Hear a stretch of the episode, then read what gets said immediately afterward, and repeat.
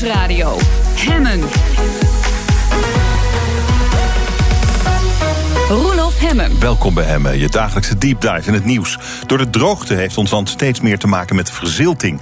Wat is het? Hoe komt het? Wat is het gevolg? Wat doen we er tegen? Daar gaan we over praten. Bij mij in de studio twee experts. Joost Delsman, hydroloog bij Deltaris. En op enige afstand Hans de Vries, voorzitter van de Landelijke Coördinatiecommissie Waterverdeling. Heren, goedemiddag. Goedemiddag. Bent u er ook, meneer de Vries? Ja, ik ben er. Oh, Kunt u mij kijk verstaan? Ja. Goed zo, mooi, u bent goed te verstaan. Eh, eh, meneer Delsman, laten we eerst eens even gaan kijken eh, naar de eerste vraag. Wat is verzilting eigenlijk? Ja, in Nederland is er eigenlijk sprake van twee vormen van verzilting. Ehm, nu speelt, nu de rivierafvoeren laag zijn, dat er water vanuit de zee langzaam de rivieren opkruipt. En ook in de kanalen bij de sluizen.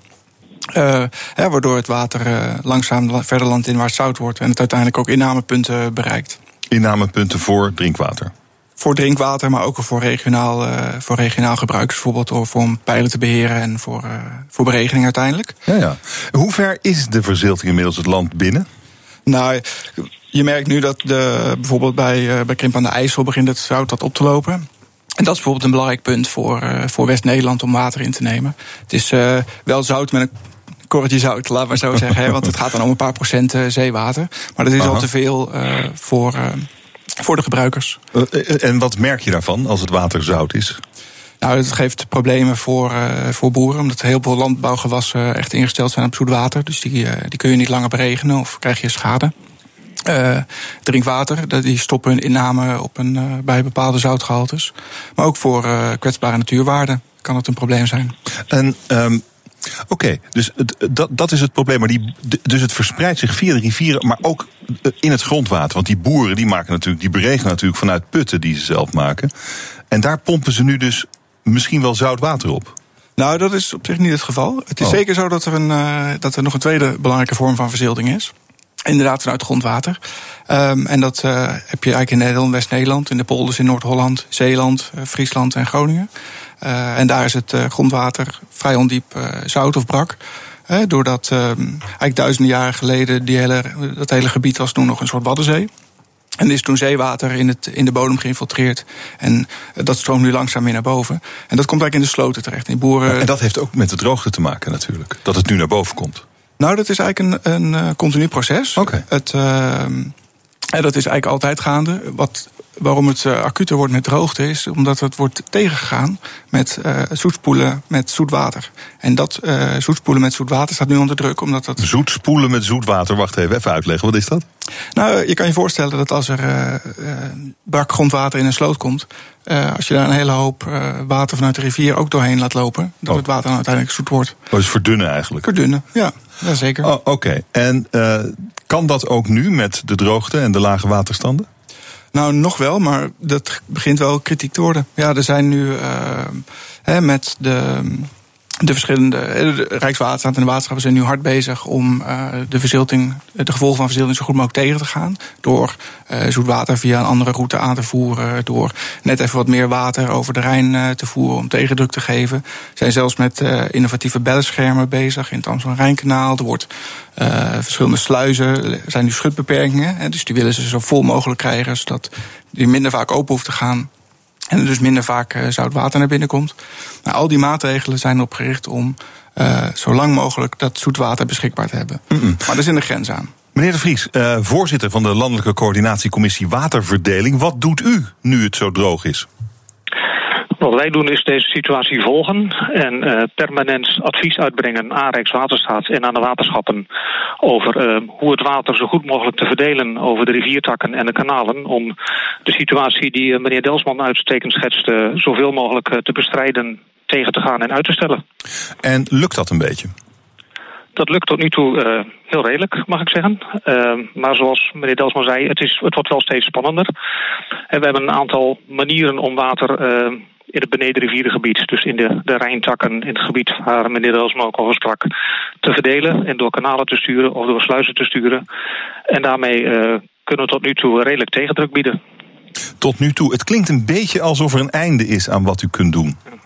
Ooit is er een einde, maar eh, voorlopig zijn we goed aan het sturen met eh, water in deze riviertakken. monding van Hollandse IJssel en Lek, richting Volkerak Zomeer. Ehm, dat lukt tot nu toe goed, ja. Maar er kan een keer een eind aan komen. Het is natuurlijk de vraag hoe lang deze situatie zal doorzetten. Nou ja, het schijnt uh, over een paar dagen weer uh, wat koeler en wat natter weer te worden. Maakt dat iets uit? Dat zal een klein beetje soelaas bieden, misschien waar de regen valt. Maar voor het grote plaatje van de aanvoer door de Rijn bij Lobit, uh, daar moeten we het in dit geval voor een groot deel van hebben, mm -hmm. zal dat niet opeens een dramatische omwenteling betekenen. Dus uh, ook al ziet u over een paar dagen meer regen en wat koeler weer, wij moeten echt 1, 2, 3 weken vooruitkijken en onze maatregelen plannen en met allerlei scenario's rekening houden. En op die termijn is, uh, is dat beetje regen, als ik het zo mag noemen, maar heel beperkt van effect. Mm -hmm. U moet er eigenlijk voor zorgen zorgen dat ons water zoet blijft. Uh, en dat lukt dus aardig, zegt u tot nu toe. Um, wat gebeurt er? Wat is uw zwartste scenario als het niet lukt? Waar, uh, kunt u gewoon eens vertellen wat er dan misgaat met ons water? Nou, het zwartste klinkt heel dramatisch. Uh, nou ja. Laten we even duidelijk zijn. De, de meeste uh, maatschappelijke functies in dit land gaan uh, gewoon door. Er blijft drinkwater komen. er is voor een groot deel scheepvaart mogelijk. En zaken als veiligheid van dijken, waar we ook water voor nodig hebben... Ja. die zullen zeker van water voorzien worden. Het wordt alleen steeds krapper en de, de effecten worden steeds een graadje erger. Um, het, het peil in het IJsselmeer zal langzaam dalen. Dat is ook nog geen probleem, want uh, daar hebben we een flinke buffer. We zullen in Midden- en West- en Zuidwest-Nederland steeds preciezer moeten sturen met het water door die kanalen en de riviertakken. En we zullen dan wel steeds vaker misschien uh, sluizen moeten uh, sluiten of uh, beperkt scheepvaart kunnen schutten. dat zal gewoon geleidelijk aan iets meer toenemen in de komende weken en steeds krapper worden. Uh, dat is wat gaat gebeuren. Ja. Uh, het is uh, natuurlijk voor, voor, de, voor de binnenvaart, is er op dit moment al schade? Ja, zoals voor meer sectoren, bij name de landbouw is natuurlijk heel veel in het nieuws geweest en de natuur, maar ja. ook de binnenvaart mm -hmm. heeft af en toe enige last van die maatregelen. Ze zullen soms wat langer moeten wachten voor een sluis. Uh, ze zullen een enkele keer moeten omvaren, zoals gisteren ongeveer een etmaal lang het geval is geweest uh, bij de Bernhardsluis in Tiel. Uh, ja, dat zijn helaas effecten die deze maatregelen met zich meebrengen.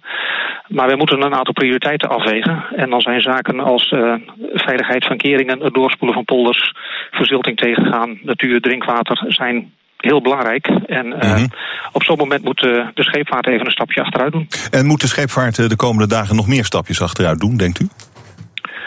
Op dit moment zie ik de eerste dagen geen grote verandering in het plaatje. Nee. Ja. Uh, het, het, is ook zo, wij monitoren voortdurend welk effect onze maatregel heeft. We moesten zondag besluiten meer water over de lek te sturen. Van Tiel naar Agestein en dan over de lek. Nou, dat leidde ertoe dat we om veiligheidsredenen, veiligheid voor alles, de scheepvaart moesten stilleggen bij de Bernhardsluizen in Tiel. Maar we kijken ook permanent, uh, heeft onze maatregel effect waar we het voor doen, voor die verziltingsbestrijding. Mm -hmm. En uh, is het inderdaad nog steeds nodig om die scheepvaart stil te leggen? Nou, dan doe je wat metingen, je, je volgt de situatie in die sluis. En als je na enige tijd constateert uh, het effect voor de scheepvaart valt mee, dan stellen we die sluis ook meteen weer open. Ja. U heeft het over risico voor de scheepvaart door dat omleiden van water. Wat is dan dat risico? Oh nee, sorry, dat misverstand. Ik bedoelde daarmee, als je uh, heel veel water door die sluis gaat trekken, dan verandert de stroomsnelheid. We zitten in een situatie die we nooit eerder zo toe hebben gepast. Dus je moet eerst even kijken, levert dit onverantwoorde stroomsnelheden op? Nou, als je, op het moment dat je constateert dat dat beperkt is... en je kunt met waarschuwingen en uh, enigszins doseren... hoeveel de doorvaart uh, de veiligheid garanderen... dan kun je hem weer openstellen. Mm -mm. Oké, okay, dus nou goed. Uh, zover lukt het dus aardig in de komende dagen ook nog wel. Meneer Delsman van, van Deltaris... De boeren, het kwam al een paar keer te sprake, hebben last van die verzilting. Uh, van de droogte natuurlijk, maar ze willen sproeien. Hoe, hoe groot is het effect van wat we nu meemaken op de boeren? Nou ja, het verschilt een beetje of ze vaste contracten hebben afgesloten met, uh, met hun afnemers of juist niet. Omdat als ze dat niet hebben, dan beginnen, hebben ze in ieder geval nog een beetje baat bij dat prijzen omhoog gaan. Als ze vaste contracten hebben afgesloten en een levering dus moeten leveren met vaste prijzen, dan uh, is het een zwaar jaar voor ze. Ja. En qua verzilting, dus op de iets langere termijn, wat ziet u dan gebeuren? Nou het is sowieso goed, denk ik, om ook op de langere termijn te gaan kijken. Want uh, uh, we hebben nu natuurlijk echt een jaar waarin we nu druk bezig zijn om alles goed mogelijk te regelen. Maar daarnaast doen we ook heel veel onderzoek, omdat we verwachten dat deze situatie in de toekomst gewoon vaker voor gaat komen. En uh, binnen een heel groot programma, dat programma Zoetwater, doen we onderzoek samen met Rijkswaterstaat, samen met de waterschappen, om ook in de toekomst voor dit soort situaties gesteld te blijven staan. En daarbij gaan we ook kijken naar hoe kun je op dat soort termijn uh, alle functies die je nu bedient, uh, zo goed mogelijk blijven bedienen. Ja. En dat heeft ook, uh, dan ga je dus ook kijken naar, oké, okay, al dat zoetwatergebruik van boeren nu, kun je dat beperken? Kunnen ze minder afhankelijk maken van het, van het zoete water? Door bijvoorbeeld meer regenwater te bufferen, door water op te slaan in de bodem, door eventueel naar andere gewassen, gewasvariëteiten te gaan kijken. En, en zo proberen we ook in de toekomst beter gesteld te staan voor dit soort uh, droogtes. U, u denkt droogte en verzilting zal alleen nog maar toenemen? Ja, nou voor grondwater weten we dat eigenlijk zeker. Uh, dat is een uh, proces waar, waar, we weinig aan kunnen doen en dat, dat blijft toenemen. Dus die grondwaterverzilting zal ook in de toekomst toenemen. En als we kijken naar de, de Rijnafvoer, de andere kant van het verhaal, dus de waterbeschikbaarheid, dan uh, ja, zien we in verschillende klimaatprojecties toch wel dat de kans uh, aanwezig is dat dat, uh, dat, dat minder wordt. Ja, en, het risico in ieder geval op dit soort situaties groter maar, maar wat betekent dat dan concreet als u, als u zegt het, het, het wordt het, het verzilt? Hè? Wat, wat moeten die boeren dan gaan doen? Nou ja, wat ze kunnen gaan doen is, uh, uh, inderdaad wat ik al zei, kijken naar variëteiten die je gewoon minder moet beregenen. He, dus, ja, minder. Ze willen gewassen hebben. Kijk eens hoe de mais er nu bij klopt. staat. Dat is ja, nee, dat, dat is inderdaad waar. Dat klopt. Maar het is, het is natuurlijk ook niet zo dat. Um, hey, je moet eigenlijk. Uh, het is denk ik, uh, moeten samen de, de, waterbeheerder en de boer gaan kijken van oké, okay, hoe kunnen we uh, op bepaalde locaties zo goed mogelijk uh, dat water blijven houden, zo lang mogelijk. En er zijn natuurlijk teelten die meer of minder afhankelijk zijn van zoet water. Dus daar kun je beter in gaan kijken van oké, okay, uh, waar is, uh, is, uh, is, is zoet water nodig? En maar u zegt, nog wat, u zegt wat. U zegt die boer moet eigenlijk minder beregenen. Hij moet eigenlijk naar andere gewassen gaan kijken. Uh, hoe reageren de boeren daarop als u ze dat vertelt? Nou ja, zo. Het is natuurlijk niet dat we ze iets opleggen, hè? zo werkt het ja, natuurlijk nee, maar... maar je, de waterschappen zijn dan met name, die zijn gewoon veel in gesprek met, mm -hmm. met boeren. en die zien natuurlijk ook wel dat het, uh, dat het weer verandert, dat het klimaat verandert. Mhm. Mm -hmm. En het is natuurlijk helemaal niet zo dat ze uh, geen begrip hebben voor het feit dat, dat er een einde is. Uh, hè, of nou, een einde, maar dat, dat het niet zo is dat er in de toekomst altijd overal voldoende water is. Ja. Meneer De, de Vries van de Landelijke Coördinatiecommissie Waterverdeling. Hoe kijkt u naar dat probleem wat meneer Delsmans nu schetst voor de, voor de wat langere toestand, de toekomst? Ja, voor alle duidelijkheid, daar ben ik geen deskundige in, de klimaatontwikkeling of de, de lange termijn verkenningen. Kijk, de taak van onze commissie is om in zo'n periode van droogte en watertekort, en daar zitten we nu in, um, de situatie zo goed mogelijk in goede banen te leiden en de effecten te minimaliseren. Ik, ik kan zelf geen goede uitspraak doen of dit in de toekomst vaker voor zal komen, erger zal worden ja. uh, en hoe dat verder zal gaan. Nee. Nou, meneer Delsman, wat vindt u dat meneer De Vries en, en zijn coördinatiecommissie waterverdeling zouden moeten gaan doen in de nabije toekomst? Nou, meneer De Vries doet uh, fantastisch werk. En uh, dat uh, Delta-programma Zoetwater, waar ik net over, wat ik net schetste, dat, hè, dat, dat regelt het, het beleid, wil nieuw beleid neerleggen voor het lange termijn.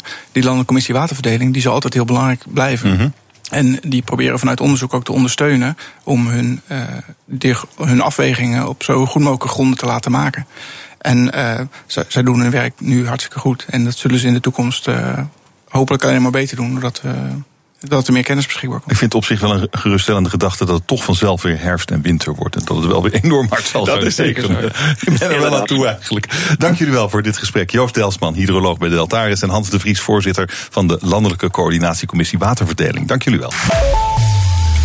Oud-premier Balkenende zei in 2007 nog dat hij een hekel had aan die zesjescultuur op de Nederlandse scholen. Hoe anders is dat vandaag, nu bijlessen de norm zijn? Dat zometeen in het beste van hem.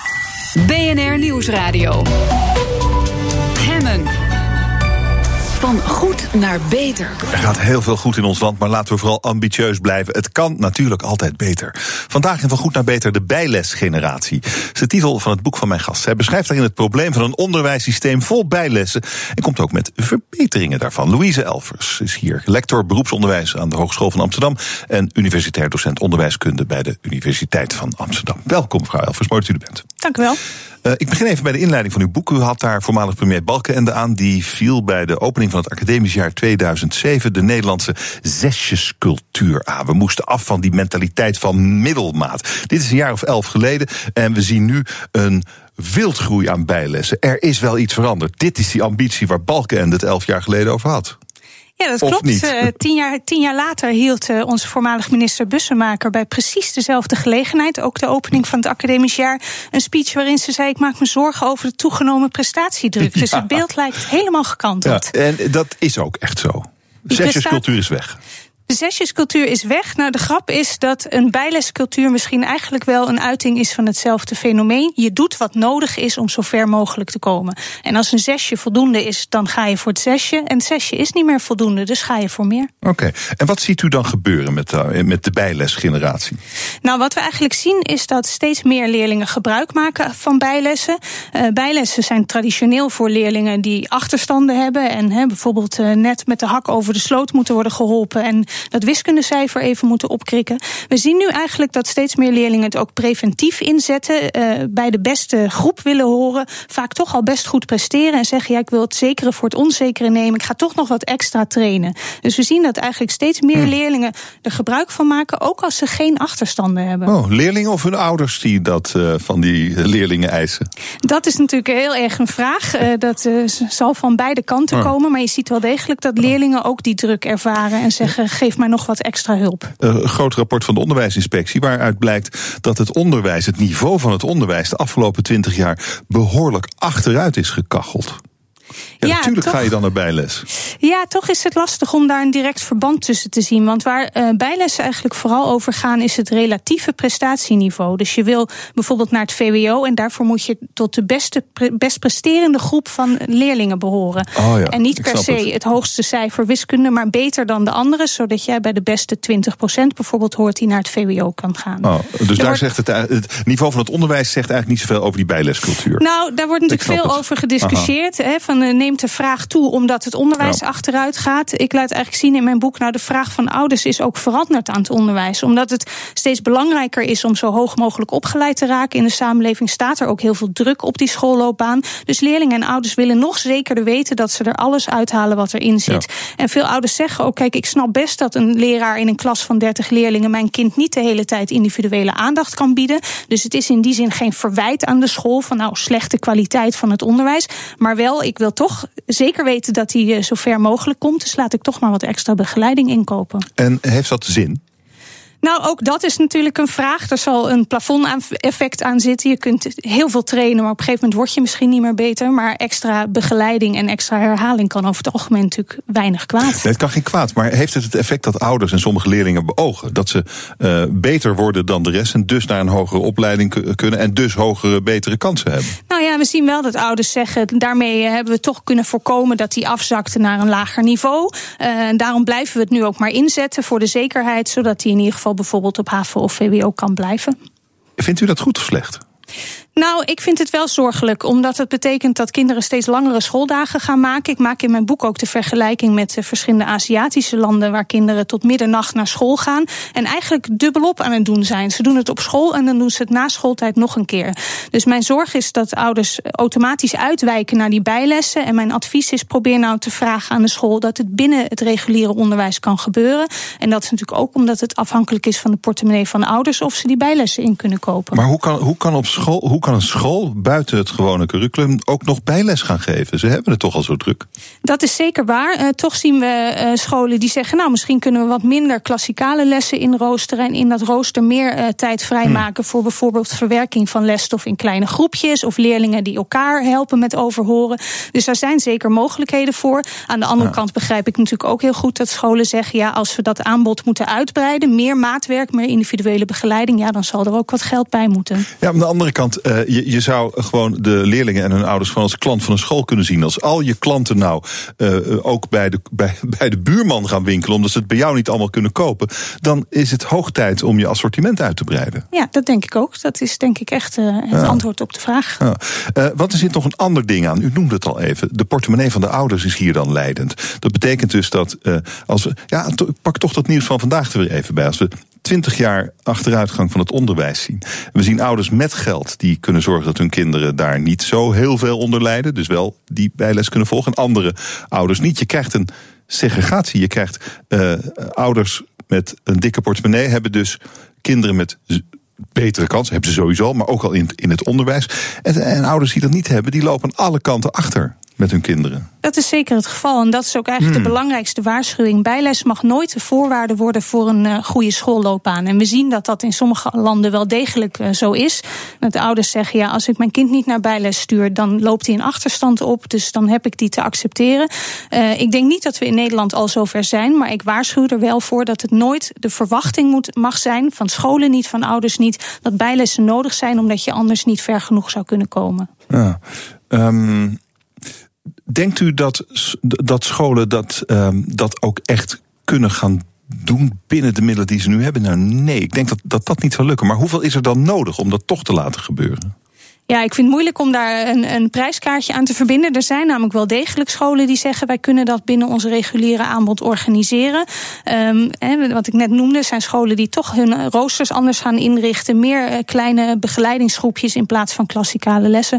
Maar ik denk dat het een vraag aan scholen is, of misschien de VO-raad om eens te kijken. Wat is er nodig om toch meer maatwerk te bieden, zodat ouders en leerlingen erop durven vertrouwen? Het is voldoende om gewoon overdag naar school te gaan. Ik hoef dat er niet extra bij te kopen. Ja, en gaat dat, gaat dat ook komen, denkt u? Wat denkt u? Dus ik denk het zeker, want je ziet wel, kijk, als, als zoiets opkomt, is natuurlijk de eerste reactie, nou, wat een opgefokte ouders en dat moeten ze lekker zelf weten. Maar als je ziet dat steeds meer leerlingen blijkbaar het gevoel hebben, of hun ouders dat gevoel hebben, dat het nodig is, ja, dan moet je toch gaan meebewegen met het onderwijs. En dan bedoel ik niet dat uh, scholen altijd maar tegemoet moeten komen aan alle wensen en eisen van ouders, maar je moet natuurlijk wel hm. met elkaar in gesprek van, goh, waarom hebben jullie het idee dat het nodig is om bijlessen in te schakelen? Hoe kunnen we ons onderwijsaanbod zo inrichten dat dat misschien niet nodig is. Want we moeten echt voorkomen dat kinderen, net als in sommige Aziatische landen, tot middernacht zitten te blokken en uh, op school in slaap vallen. Ja, maar eh, daar, je, kan ook zeggen, daar worden ze heel uh, slim en succesvol van. Slim is de vraag. Uh, goede prestaties. We zien in ieder geval de landen waar dat, uh, die bijlesindustrie heel groot is, dat die ook het vrij goed doen in die vergelijkende onderzoeken ja, dus van PISA en TIMS. Dus toch weer hartstikke goed dan. Ze leren heel goed presteren op toetsen. Maar of ze daarmee ook uh, slimmer worden, dat is natuurlijk zeer de vraag. Oké, nou, dat is, ja, dat, ja, u bent de wetenschapper. Dat moet ik eens, maar je, je, kunt, je kunt wel zeggen dat, dat ze beter leren presteren. En dat is goed. Daar heb je alleen maar profijt van natuurlijk. Ja, ik denk ook niet dat er veel mensen zijn die echt zullen treuren om het verdwijnen van de zesjescultuur. Met hard werken is niks mis. Het risico is dat iedereen steeds harder gaat rennen in een soort red race om maar niet achter te blijven. En de vraag is, als iedereen op zijn tenen gaat staan, ziet eigenlijk niemand beter. Misschien kunnen we dan een stapje terug doen. Ja, maar als iedereen eh, eh, op zijn tenen gaat staan, worden we allemaal een stukje hoger. Hoger in welk opzicht? In lengte, als het over, als het over deze vergelijking gaat. Maar misschien presteren we dan ook gewoon meer. Ja, nou ja, ik maak daar nog steeds. Het slecht? Slecht dat iedereen naar bijles gaat? Of slecht, dat iedereen... slecht dat iedereen meer wil presteren. En nee, dat we dat, dat misschien met z'n allen niet, kunnen doen. Nee, zeker niet slecht. Ik denk dat het ook goed is dat we lekker hard werken met elkaar en ambitieus zijn. maar blind, blind hard, hard rennen omdat anderen ook hard rennen. Want dat is een beetje de ah, situatie nu. Als je merkt in de, in de klas gaat iedereen bijles volgen. Jij doet het eigenlijk best goed in de klas. Maar dan denk je, nou, ik ga toch ook maar bijles volgen. Of toch ook nog maar extra trainen. Want straks loop ik alsnog achter. En dat is een mechanisme waar we denk ik voor moeten waken. Goed, het boek heet De Bijlesgeneratie, is geschreven door Louise Elvers. Hartelijk dank voor dit gesprek. Dank u wel. BNR Nieuwsradio. Hemmen. Hemmen. Je luistert naar Hemmen, je dagelijkse deep dive in het nieuws. En vandaag duiken we heel diep. Tot wel 4, 5, 6 kilometer de grond in, want daar is het warm. En met die warmte kunnen we onze huizen, onze kassen, onze fabrieken verwarmen. Ga de mogelijkheden verkennen uh, met eh, Lodewijk Burghout. Hij is uh, projectdirecteur bij Hydreco Geomec. En Remco de Boer, onze eigen energiespecialist. Heren, welkom. Goedemiddag. Hi, uh, nou, Remco is heel vaak uh, bij me, elke week onze energiespecialist. Uh, meneer Burghout, wat doet u precies bij uw bedrijf? Ja, ik hou mij bij uh, Geotomie Brabant. Uh, hou ik mij bezig met het ontwikkelen van geotomieprojecten. En uh, we zijn als eerste begonnen in Oost-Brabant om daar een pilot ultradiepe geotomie op te zetten. Samen met nog zes andere pilotgebieden in Nederland. Ah, lukt het? Uh, nou, tot op heden zijn we met onderzoek bezig. Uh, want we gaan eerst. We zijn nog niet aan het boren? Nee, we zijn nog niet aan het boren in, de, uh, in Oost-Brabant, in de ultradiepe projecten.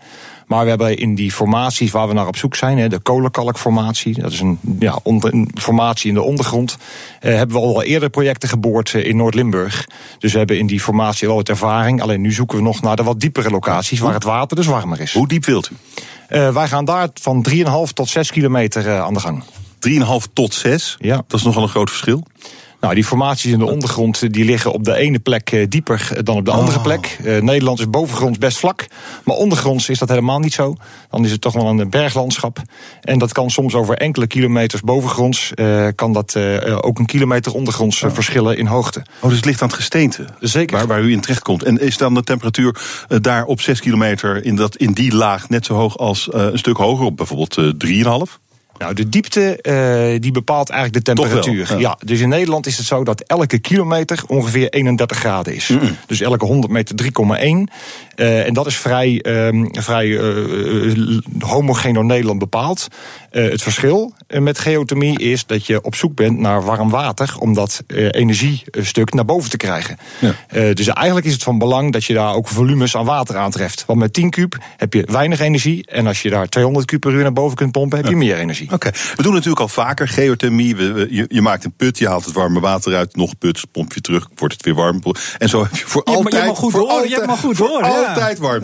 uh, wat hier nieuw aan is, is de diepte. Dus dieper is beter. Dieper is warmer, is meer rendement, ja, is ja. meer vermogen, is meer uh, warmte. En als je heel diep gaat en je haalt water van uh, 200 graden naar boven, dan zou je er ook stroom mee kunnen maken. Ik weet niet of daar naar Brabant, in Brabant naar gekeken wordt, maar in 200 graden, kan je dat naar boven halen? Zeker. Ja, dat kan. En in, in Duitsland, ik heb nog even nagezocht, daar uh, maakt men bij sommige projecten ook stroom. En zelfs al bij temperaturen vanaf zo'n 130, 140 graden. Dus uh, er zijn heel ja, veel mogelijkheden. Maar 200, 200 graden water, dat, dat is dan stoom, maar dan uh, in het kwadraat.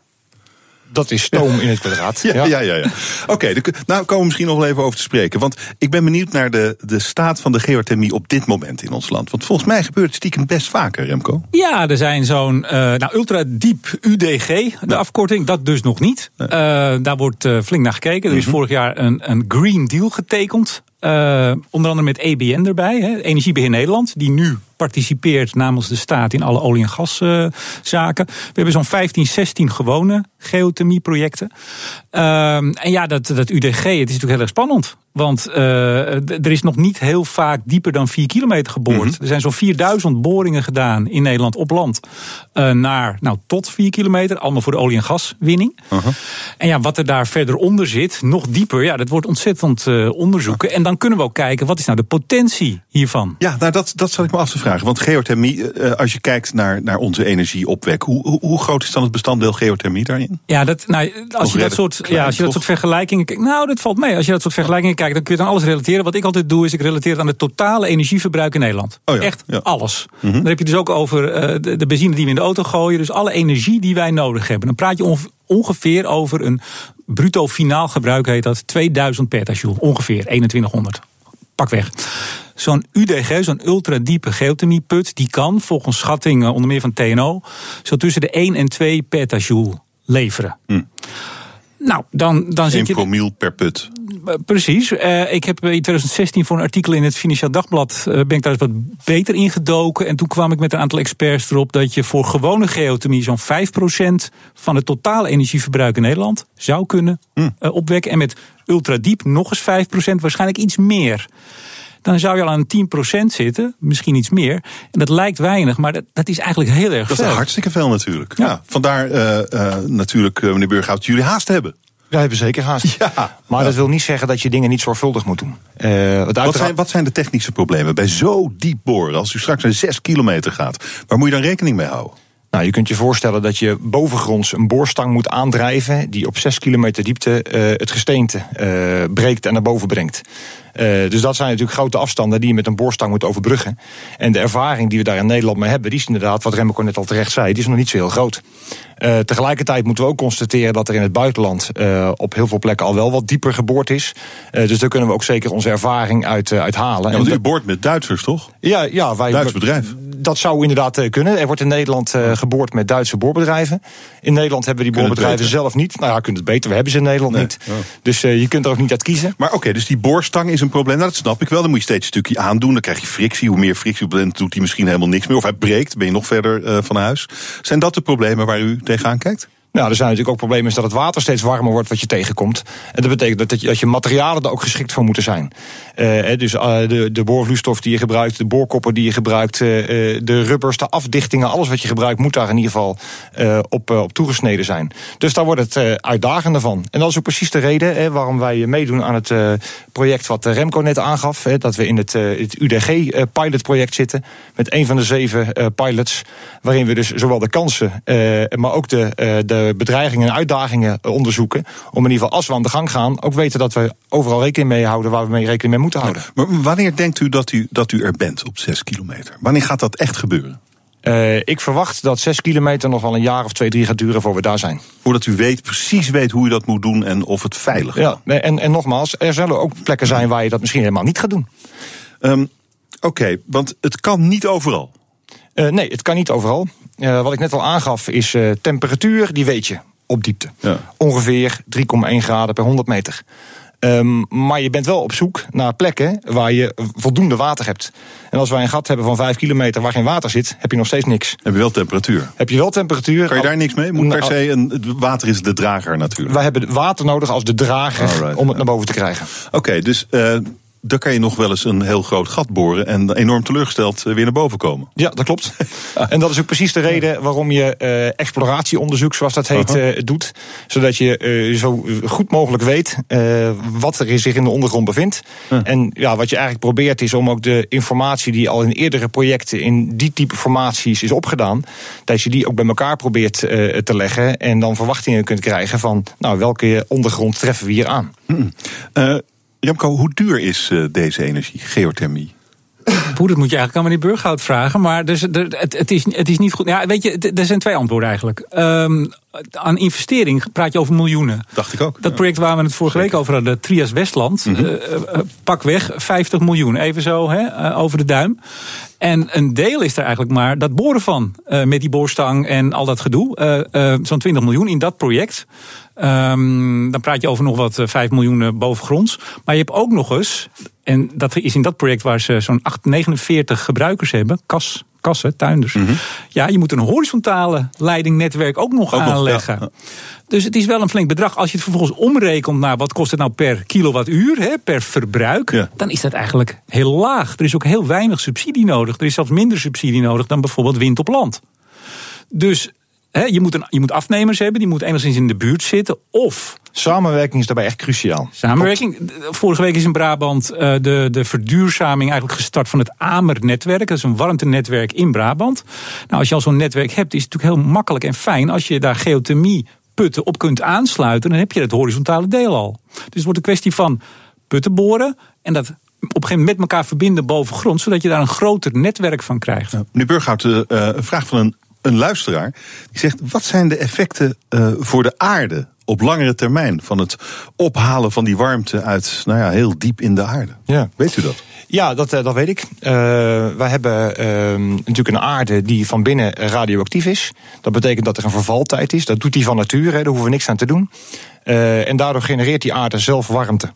En uh, met die warmte is dat water ook opgewarmd. Dus op het moment dat wij dat water er weer uittrekken, dan krijg je ook uh, weer opwarming uh, van, die, van dat water wat daar weer terugkomt. Ja, maar u versnelt natuurlijk de afkoeling. Wij versnellen de afkoeling, maar dat staat zeker niet in verhouding tot de snelheid waarmee de aarde zichzelf opwarmt. De aarde is een oneindige kernreactor. De aarde is een oneindige kernreactor. Praten zo verder over geothermie, aardwarmte. En dan kijken we naar de risico's ervan. Zometeen in het beste van. BNR Nieuwsradio. We hebben het over geothermie, over aardwarmte. Dat is een uh, hele mooie bron van uh, warmte, bijvoorbeeld kassenfabrieken, maar ook voor huizen. Er wordt ook veel mee geëxperimenteerd. Boren in de aarde, op heel diep ook, tot zes kilometer, is nu ongeveer uh, de, de, het, het, doel. Nou ja, ik dacht het wel, meneer Burghout. Lodewijk Burghout hier bij me, projectdirecteur van Hydreco Geomec en onze energiespecialist Remco de Boer. U, u, begint een beetje, u zei net zelf, zes kilometer, dat gaan we een keer doen. Ja, maar dat u gaf ook aan dat er geëxperimenteerd wordt op dit moment. Maar we experimenteren helemaal niet. We zijn op dit moment uh, tot zeg maar 2,5 oh. kilometer hebben we projecten. Ja, ja, 16 okay. in Nederland. Die draaien ook allemaal. Hè, en daar wordt al, ik denk, bijna 100 miljoen kubieke meter gas per jaar wordt daarmee bespaard. Uh, maar, maar niet zo diep. Maar niet zo diep. En nu willen we kijken of we Ja. nog een hoogwaardige vorm van energie willen aantreffen. Ik bedoel dat, dat, maar dat is natuurlijk heel oneerbiedig om, om te zeggen dat u experimenteert. Dat klopt. Ja, precies. Dat is het ik, neem het, ik neem het terug. Goed u zo. onderzoekt en wie weet komen we er ooit. Eh, het is goed dat u het onderzoekt, want ehm, er zijn wel wat risico's aan. eh, Remco, we hebben het hier eh, eh, nog niet zo heel lang geleden gehad over een rapport van het staatstoezicht op de mijnen. Eh, heel kritisch zeggen, er zitten heel veel risico's in. Vergelijk het met de olie- en gassector. Ehm, en er zitten ook in die branche, zitten ook, nou, als ik het in mijn eigen woorden zet, zeg, beunhazen. Ze hebben niet altijd evenveel verstand van wat ze aan het doen zijn. Eh, Remco, hoe zit dit?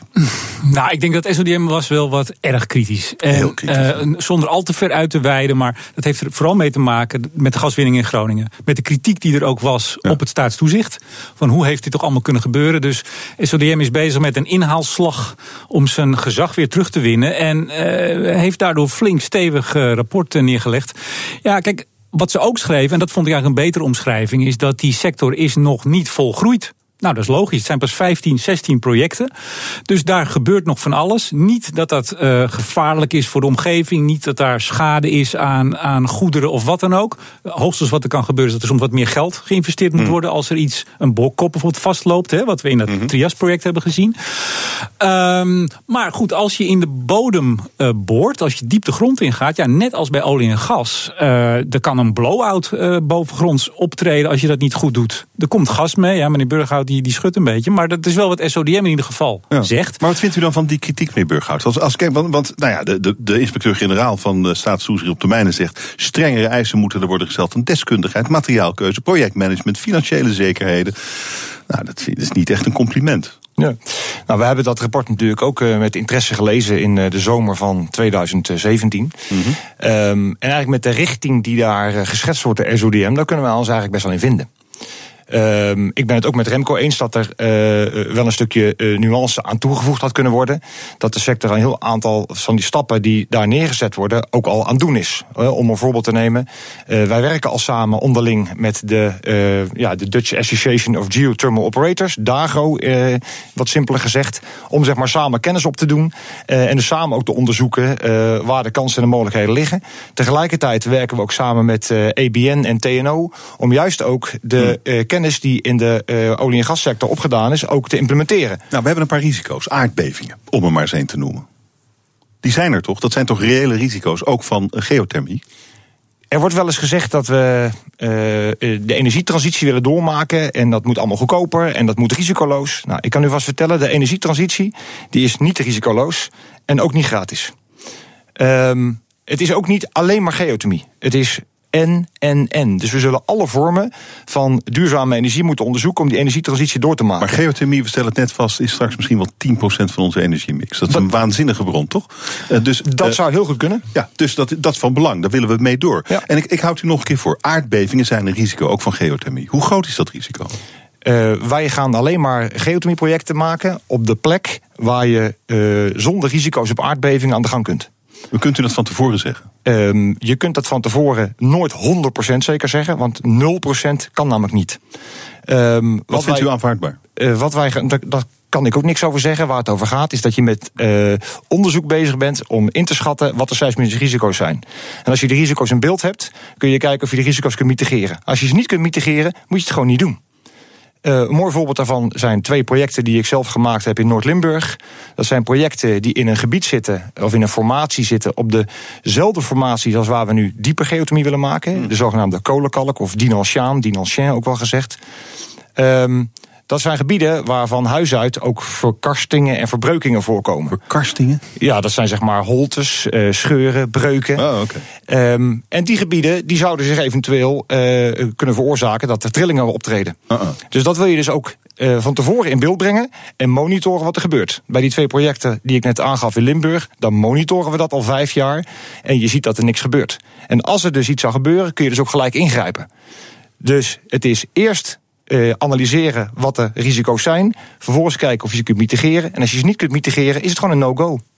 Remco, zie jij nog andere risico's voor. Mag, mag ik nog even over die aardbevingen heel kort? Nee, want kijk, als het woord aardbevingen valt, zeker in deze tijd, in deze weken zou ik zeggen met Groningen. Ja, dat is een beetje een showstopper. Ja, maar nee, maar kijk, dit gaat over seismiciteit. Uh, mogelijk heel lichte trillingen die we waarschijnlijk niet eens voelen bovengronds. Okay. Dus het is niet zo dat daar een aardbeving van 3,6 op de schaal van Richter uh, zou kunnen optreden. Dat kan echt nooit.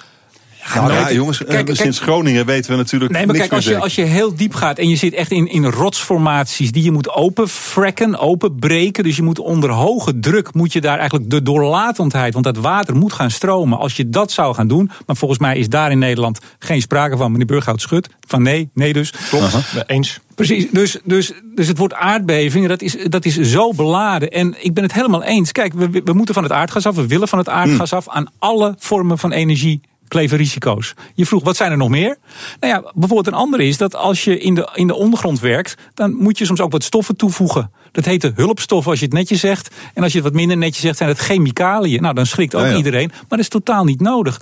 Als er waterputten geslagen worden door drinkwaterbedrijven, die gebruiken ook ja, chemicaliën, hulpstoffen om te zorgen dat het niet, ik zeg het heel simpel, dat het verstopt. Je moet de, je moet de gaatjes open houden. Er moeten soms wat biocide bij.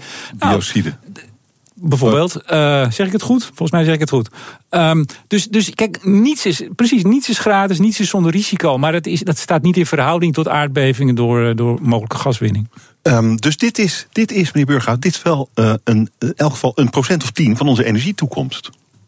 Dat hopen wij wel. Ja. En denkt u dan vooral in hele grote projecten? Of uh, kan ik er op termijn ook een voor relatief weinig kosten bij mijn huis laten maken? Nou, u moet zich voorstellen dat uh, een, een, een regulier aardwarmteproject zoals we nu kennen, dat zijn projecten die leveren, voor je het weet, uh, een, een besparing op van 10, 12 miljoen kuub aardgas per jaar. Dat verstook jij niet, Roelof. En als je bedenkt, en als je bedenkt, dat, je, en als je bedenkt dat dat 1500 kubieke meter gemiddeld is per huishouden, dan praat je voor je het weet over 8000 huishoudens. Dus je moet altijd van tevoren, wel belangrijk, van tevoren een afnameprofiel hebben van je afnemers die eromheen zitten. Ja. En daarom werken we juist nu al ook op grote schaal samen met afnemers, zowel in de stedelijke omgeving, zoals bijvoorbeeld het stadsverwarmingsnetwerk van En Natuurlijk in Helmond, maar ook inderdaad rondom het Amernet. Uh, maar ook met bijvoorbeeld bierbrouwer Bavaria, met Friesland Campina, met Mars, met glastuinbouw. In de industrie maak je de grootste klappen natuurlijk. Nou, zeker. En juist met die industrieën, eh, die hebben eigenlijk relatief weinig andere vormen beschikbaar om hun processen op te draaien. Uh, want die hebben namelijk stoom nodig op pak een beet 140, 150 graden. En juist dat soort vormen van energie, die kun je uh, ideaal gebruiken voor die industrieën. Ik vind het fascinerend, de wereld van de aardwarmte, geothermie. Dank voor dit gesprek. Lodewijk Burghout, hij is projectdirecteur van Hydreco Geomec... en onze energieman Remco de Moer. En die zien morgen weer voor Energiezaken. Dank jullie zeer. BNR Nieuwsradio. Hemmen.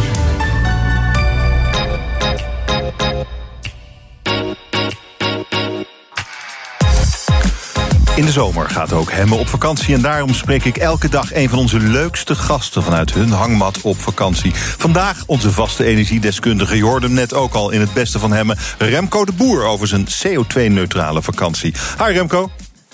Hi Rolof. Waar zit je op dit moment?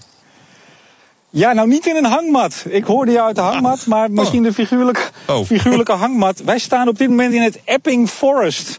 Um, dat is in Engeland. Dat is uh, bij Londen, in Greater London. Wij lopen namelijk, en wij moet ik zeggen, dat zijn mijn dame en ik. Wij lopen een flink deel van de London Loop. Uh, ik weet niet of jij een beetje bekend bent in, uh, in Engeland en Londen. Nou ja, Londen een beetje, Engeland een beetje. Ja, ja, maar ik heb er nog nooit gewandeld, nee. Nou, nou kijk, Londen het leuke ligt is, ook niet hebt, voor de hand eigenlijk om daar... Nee, nee, nee, precies. Nou, wij zijn nogal, nou je weet, uh, je noemt het alweer CO2-neutraal. Nou, we komen een eind in de buurt. We, we gingen vaak fietsen. Hè. Dat, uh, ik ben ook vaak bij jou in de uitzending vanaf de fiets gekomen. Ja. En nu zijn we aan het wandelen. En het leuke is, Londen, Greater Londen, dat heeft de M25, dat is een grote ringweg daaromheen. En ongeveer op diezelfde route kun je ook lopen. 240 kilometer, die gaan wij niet helemaal doen, Roelof, zeg ik, zeg ik er vast bij. Uh, maar wel stukken. En die kun je dus helemaal rond, aaneengesloten, kun je die in etappes lopen. En uh, nou, dat zijn we nu aan het doen. We, we, ik kijk nu uit, we zijn op een heuveltje staan we. Een heuvel, het is hier ook ontzettend warm. Maar we staan onder een boom, we staan heerlijk in de schaduw. Klein windje, heerlijk. Uh, het, het, gras is geel, de bomen zijn groen. Uh, we kwamen net langs, uh, moet ik even goed kijken hoor. Queen Elizabeth Hunting Lodge. Oké. Okay. ja, er wordt hier ook gejaagd. En, en zij heeft daar een, Ja, precies. Je, je, weet maar nooit wat zo'n dame nog kan met een geweer. um, nee, dus het is hartstikke leuk. En we, we, hebben even rust genomen. De rugzakken staan hier tegen de boom. Uh, we nemen even een kopje water. En uh, ik praat nu met jou. Nou, leuk. Uh, we, zijn, we, we, hebben het heel vaak, Remco, over, over het klimaat, energietransitie, noem maar op. Hoe ver zijn ze daarmee in Groot-Brittannië eigenlijk? Nou, het, aardige is, Groot-Brittannië doet het uh, zoals ze nu een, eigen weg in de EU gaan hè, met de Brexit. Doen ze het op energiegebied toch ook wel enigszins eigenzinnig. En dat pakt goed uit voor ze. Um, ze zetten eigenlijk in op drie dingen. Dat is hernieuwbaar. Ze zijn verder dan wij als het gaat over uh, wind, met name windenergie. Ze hebben natuurlijk ook heel veel zeeën, heel veel, heel veel plek waar ze uh, turbines kunnen neerzetten, windturbines. Ze zetten ook in op kernenergie. Nou, je weet, dat is bij ons een, een, een no-go. En hier zijn ze nu een nieuwe centrale aan het bouwen. En uh, zijn ze ver in de planning van een volgende nieuwe. Ze hebben er ook een aantal al. En ze zetten ook in op aardgas. Uh, en ze zijn aardgas. hier in ja, in tegenstelling tot in Nederland mm -hmm. is hetzelfde bedrijf wat bij ons uh, het niet is gelukt, Quadrilla, is hier vrij ver. Ze hebben ook een, twee putten geboord voor schaliegas. En ze hebben nu toestemming om die ook te gaan fracken, om te kijken of het inderdaad uh, commercieel winbaar is, die hoeveelheid. Daar wordt met hm. heel veel, uh, zeker in die gaswereld, met heel veel, um, hoe zeg je dat? Uh, nou, men is in spanning of dat inderdaad lukt. Mm -hmm. uh, er is natuurlijk veel protest ook tegen. Uh, veel milieuactivisten hebben zich ook wel in de voorfase al aan de hekken geketend en proberen het allemaal tegen te houden. Maar goed, Engeland gaat daar wel zijn weg in. Dus gas, hernieuwbaar en kernenergie. En daarmee hebben ze hun uitstoot al echt significant uh, verder weten te reduceren dan wij. Dus in die zin bedoel ja. ik het net goed. Ja, interessant dat ze dat, dat uh, gas en, en schaliegas gaan doen. Waarom vinden, ze dat, vinden de autoriteiten in Engeland dat een minder groot probleem dan wij hier? Nou, zij komen hier, uh, net als wij, maar hier nog wel wat meer echt uit het kolen, het steenkolentijdperk. Ze, hebben, ze hadden, moet ik zeggen, een flink aantal uh, kolencentrales, meer dan wij. Die waren ook vrij oud hoor, want die zijn Volgens mij zijn ze nu allemaal dicht, dan moet ik even te nahouden. Maar uh, in ieder geval, die zijn allemaal aan het sluiten, aan, aan het gesloten worden. Maar die waren ook heel oud, dus daar moesten ze wat mee. En als je afstapt van steenkool massaal en je gaat dat vervolgens vervangen door aardgas, uh, in ieder geval voor een deel, hè, want ook hernieuwbaar en ook kernenergie. Mm-hmm. Ja, dan is je uitstoot uh, per kilowattuur, om het zo maar te zeggen, is, is flink lager, ongeveer de helft. Dus ja. ja. dan gaat die uitstoot wel naar beneden. Uiteindelijk moet je natuurlijk ook weer van het aardgas af waar wij in Nederland, uh, nou in ieder geval zeggen heel erg mee, mee, bezig te zijn. Maar als je het van steenkool naar gas gaat, ja, dan, dan, dan dalen je uitstoot. Ja. Hey, Tikkie Remco, ben je toch weer aan het werk. Uh, we zouden het over je vakantie hebben. Wat, uh, je bent dus nu aan het wandelen rond Londen, maar je zei al, je ging altijd fietsen. Wat is er mis met het ouderwetse herenrijwiel dat jij hebt? Nou, er is helemaal niets mis met het ouderwetse herenrijwiel, Roelof. Met de terugrap, uh, willen... terugtraprem en geen versnelling. exact. Uh, nee, maar, maar ik moet zeggen, wij zijn een aantal jaren achter elkaar, uh, ook zolang wij elkaar kenden, met fietsvakantie gaan. Maar daarvoor gingen wij eh, jarenlang in de bergen, in, in de Alpen wandelen. Dus wij zijn ook wel een, een wandelstel. En we dachten, nou, we, we, doen weer eens wat anders. En het leuke is, en ik kan het in die zin iedereen aanraden om dit te doen. Want we lopen nu nogmaals, we, we staan hier er komen net even twee, twee mountainbikers langs. Um, we staan hier in echt een heel landelijk gebied op een half uurtje van het centrum van Londen uh, met uh, de metro. Dus je kan de combinatie hier ontzettend leuk maken tussen hm. en een wereldstad. We, hebben, we zijn lekker gaan winkelen, we, we, gaan ook een beetje het uitgaansleven in. En overdag uh, kun je hier heerlijk de natuur in. En die combinatie is buitengewoon aantrekkelijk, kan ik je melden. Ja, en um, welk boek, welke podcast, welk muziekje gaat er met je mee op vakantie? Niks, nul. Oké. nee, ik, als ik, als ik, nee mijn, mijn dame heeft wel altijd wat, wat lectuur bij haar. Een e-book met allerlei zaken erop. Nee, als ik eh, op vakantie ben, dan heb ik, uh, heb ik geen boek. Ik kijk wat, uh, wat lokale tv uh, soms. en, en, verder ja, wandelen, lekker eten, luieren. veel slapen ook. als wij straks terugkomen, meestal gaan we nu tien weg komen uur vier terug in het hotel. Even een klein dutje doen. Een uh, hoort er ook bij, Roelof? Ja, een dutje. Remco doet dutjes. Roelof, wij, lo wij lopen urenlang hier in de brandende zon. Wat wil je? Oh, ja. dus, dus daar moet ook even gerust worden. Zodat je dan s'avonds weer heerlijk naar het diner kan. Dat je dan fris en, de gin en tonic kan. Kijk, kijk, jij snapt hem. Wat is jouw uh, ultieme vakantietip? Je hebt al een paar gegeven tussen de regels door. Maar wat vind jij nou ultiem vakantievieren? Ja, toch ja, bewegen. Ik weet niet of dat nou echt een tip is. En er zullen heel veel mensen denken: oh mijn hemel, daar moet ik niet aan denken. Maar dat je, nou ja, ook niks bij je, je hoofd leeg. Maar goed, dat willen we denk ik allemaal. Totdat je weer met, uh, met de meneer aan de telefoon op de radio moet over energie praten. Maar dat vind ik leuk, Roelof. Dat weet je. Ja, ik ook. Ik vind niks, niks aan je hoofd. Uh, gewoon wandelen, rugzakje op. Uh, dat is voor mij wel de ultieme ontspanning in ieder geval. En of dat nou ultieme vakantie is, ja. Het is wel hetzelfde, denk ik, hè? ontspanning en vakantie. Uh, en je gaat dus met de trein. En treinreizen, dat, dat is wel echt een, heerlijk, een heerlijke manier van je verplaatsen. Ik heb een tweetje gestuurd op de heenweg. We zijn hier nu een dag of zes, zeven. Uh, we gingen uiteraard met de, de Eurostar-trein door de kanaaltunnel. Ik schreef op de tweet, ik wil nooit, nooit, nooit meer uit deze trein weg. het was zo heerlijk, Roelof. Nee, het was echt... Je hebt ook leuk, je hebt meerdere klassen. Het is niet zo eerste, tweede, maar je hebt drie klassen. Standaard, standaard, met een beetje extra. Nou, dat, dat hadden wij. En dan heb je nog veel meer. En dan krijg je... Het is eigenlijk net een vliegtuig. Je, je hebt hostessen, die geven je lekker wat te eten en drankjes. En uh, we gaan volgende week weer terug in 3,5 uur van downtown Hartje Londen naar Centraal Station Amsterdam. 3,5 uur. Heerlijk. Dus dat is echt. Uh, Lekker in heerlijk. de trein. Maar eerst nog een heleboel uh, stappen zetten, Remco. ik stappen zetten, gin en, ton, gin en tonic, biertjes, je weet het wel. Ik uh, wens je een hele goede vakantie. Dankjewel, Remco de Boer vanuit Groot-Brittannië. Dank je zeer. BNR Nieuwsradio. Hemmen. Hemmen. Fijn dat je luistert naar Hemmen, je dagelijkse deep dive in het nieuws. Het is een zomer waarin topsporters er alles uithalen wat erin zit. Dumoulin presteerde tijdens de Tour en de Giro. En de Nederlandse hockey, waterpolo en roeiteams scoren ook hoge ogen. En al die topatleten kunnen niet zonder de juiste voeding. Asker Jeukendrup is bij me. Hij is vooraanstaande voedings- en bewegingsspecialist voor topsporters, onder meer voor NOC-NSF. Welkom, mooi dat u er bent, meneer Jeukendrup. Ja, dankjewel. U adviseert dus sportteams, organisaties, maar ook individuele sporters. Hoe ziet uw werk er precies uit?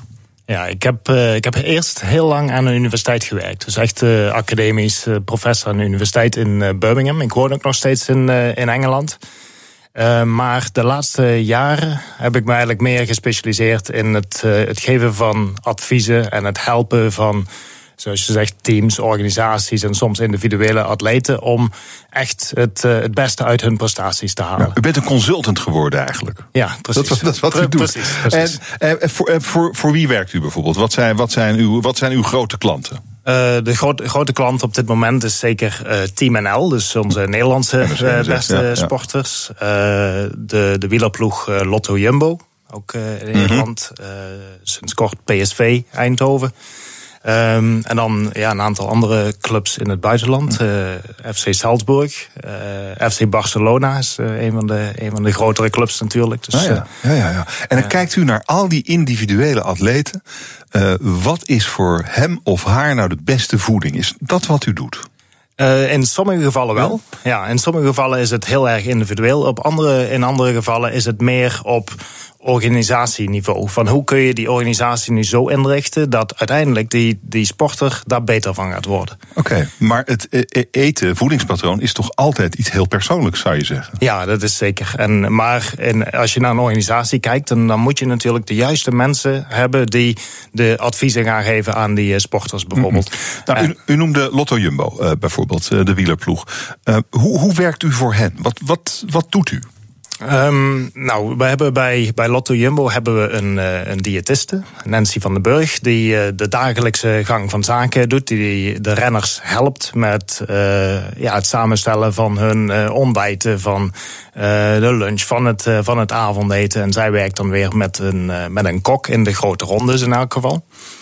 Um, en ik help eigenlijk van, uh, vanaf afstand om te zorgen dat, uh, dat de strategieën die we gebruiken echt uh, op het hoogste niveau zijn. Een voedingsstrategie? We hebben ah, zeer, zeer speciale strategieën. Ja. Hoe ja. ziet die strategie eruit?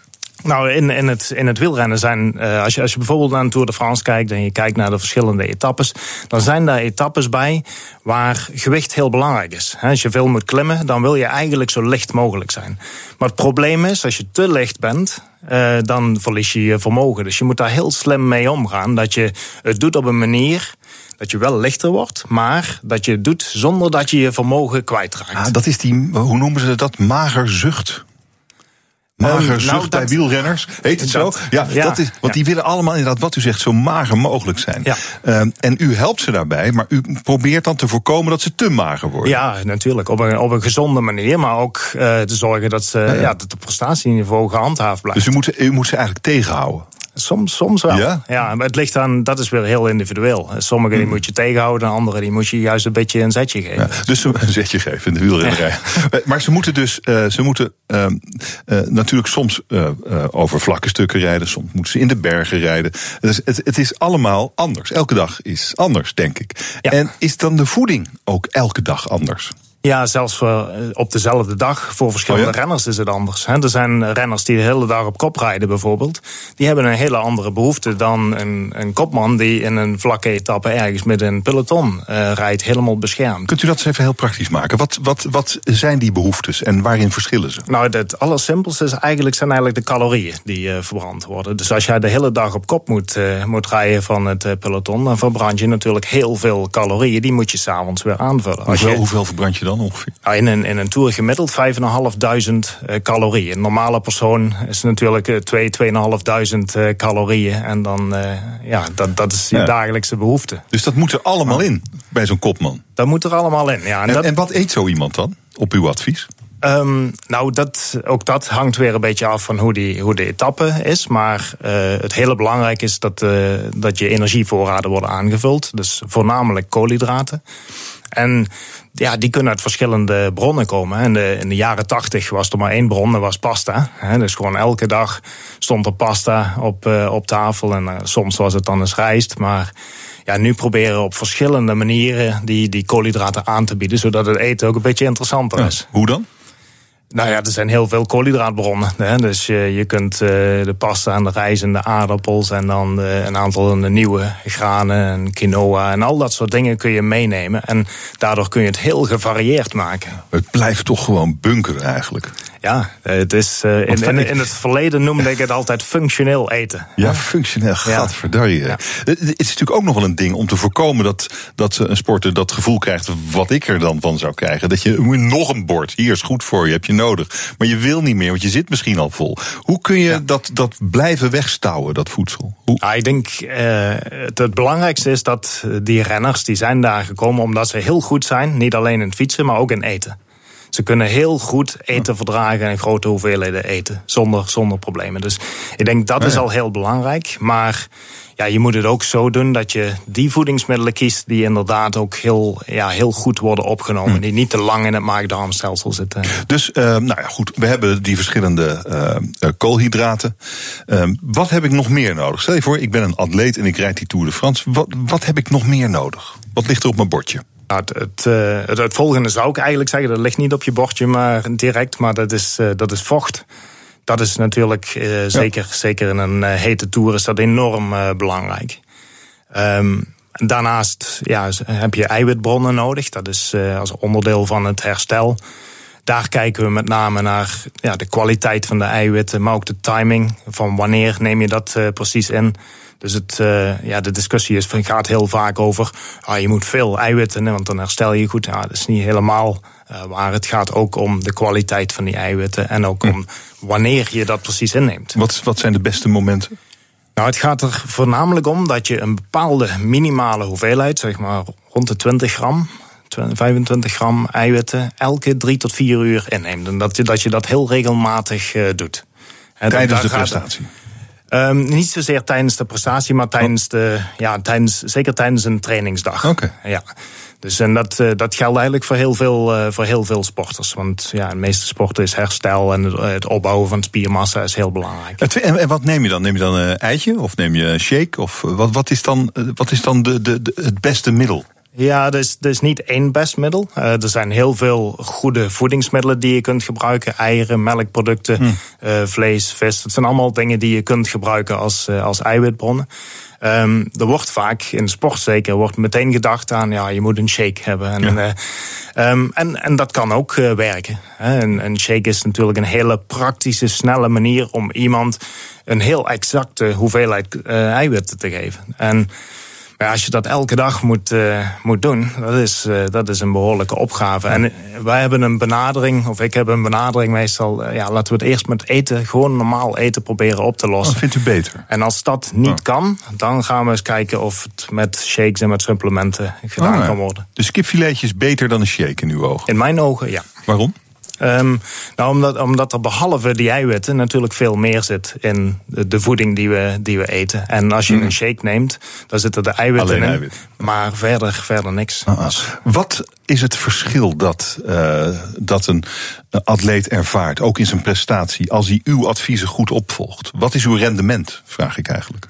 Ja, afhankelijk van de sport natuurlijk. Hè. Dus we hebben met elke sporter natuurlijk andere, andere doelen. Um, in nou, die, die, die wielrenners. Die, die Hoeveel wiel... harder gaan ze fietsen? Nou, in wielrennen is het natuurlijk super belangrijk. In het ja. wielrennen is het zo dat als je het niet goed doet, dan kan het zelfs zijn dat je echt minuten verliest um, op, op, een laatste, op een laatste klim. Omdat je gewoon die energie niet hebt om die laatste klim nog goed op te komen. Um, heel extreem is ook, ja, afgelopen weekend hadden we de Ironman in uh, Maastricht. En dan een hele triathlon, daar is voeding gewoon echt het verschil tussen ja, misschien winnen en niet eens aan de finish komen. Uh -huh. dus als je het niet goed hebt, dan, dan haal je het niet ja, eens. Maar, maar ze, doen het, ze, ze zijn er allemaal zich ervan bewust. Al die atleten weten, voedsel is belangrijk. Ze hebben ja. allemaal adviseurs. U bent één van die adviseurs. En uh, u bent heel goed. Wat is, wat, is het, uh, wat is de winst die u brengt aan een atleet? Gewoon in, in uh, meters fietsen, in snelheid. In, gewoon heel concreet, wat is uw rendement? Nou, dat is, dat is heel moeilijk uh, te antwoorden. Maar, maar ik denk, um, ja, dat proberen we wel, uh, dat proberen we zeker ook uh, te meten. Um, maar het, het probleem dat we tegenwoordig hebben is dat, dat sporters krijgen hun informatie overal vandaan. Hè? En natuurlijk, iedereen heeft tegenwoordig een mening over, uh, over voeding. En ik zeg altijd, iedereen die eet of drinkt is tegenwoordig een voedingsexpert. Hè? En dat wordt allemaal uh, overal verteld. En uh, op social media kun je, ja, je kunt echt van alles lezen. En voor de sporter... Veel onzin, denk ik. Ook. Heel veel, het meeste is onzin. Um, en voor de sporter is dat soms heel moeilijk om daar uit te halen van ja, wat, wat is nou wel waar, wat is goede informatie, wat is slechte informatie. En ik denk dat is, ja, dat, dat is natuurlijk de filter die wij gebruiken. Wij gebruiken echt wetenschappelijk onderzoek als de basis voor alle adviezen. En dat betekent dat je eigenlijk de onzin eruit, uh, eruit filtert. Wat is de grootste onzin wat u de laatste tijd bent tegengekomen? Um, ja, ik weet niet of het de grootste onzin is, maar het is wel het, een van de grootste misverstanden. Suiker is slecht of suiker is, is toxisch. Die zou ik echt bovenaan zetten. Want als ik met sporter werk, ja, dan is dat, dat juist wat we nodig hebben. Het is, het is de perfecte brandstof. Als we suiker zouden wegnemen uit de Tour de France, nou, dan zouden heel veel renners het heel moeilijk oh ja? hebben. Hoeveel suiker moet je eten dan? Nou, ik, ik denk, ze hadden voor Chris Froome uitgerekend dat hij uh, uh, rond de 17, 18 gram per kilogram lichaamsgewicht uh, op een dag naar, naar binnen werkt. Dus dan heb je het over, ja, voor een uh, normale renner zou dat bijna een kilo aan, aan koolhydraten zijn. En, en heel veel suiker. daarvan is suiker. En hoe krijg je dat naar binnen? Ja, nou ja welke dat, vorm? Dat, dat gaat in verschillende vormen natuurlijk. Voornamelijk via het avondeten, maar ook via, ja, via oh, oh. Uh, spoordranken en repen en gels. En er zijn wel manieren om dat uh, te doen. Dus suiker de, is niet toxisch, suiker is goed, suiker heb je nodig, zeker als topatleet. Ja, als, als topatleet. Het ligt aan de, aan de context. Hè. Dus ja. als, als iemand de hele dag op, uh, op, een, op een stoel zit, hè, of een, een kantoorjob heeft, ja, dan moet je geen kilo suiker gaan eten. Nee, en dan zou ik dat ook nooit aanraden. Maar, dus het ligt heel erg aan de, aan de context. En die, die context die wordt vaak wordt vaak vergeten. En dan worden hele algemene boodschappen... die worden gewoon in alle settings gebruikt. Ja, je moet heel precies kijken, zegt u. U bent zelf ook een is... triatleet, hè?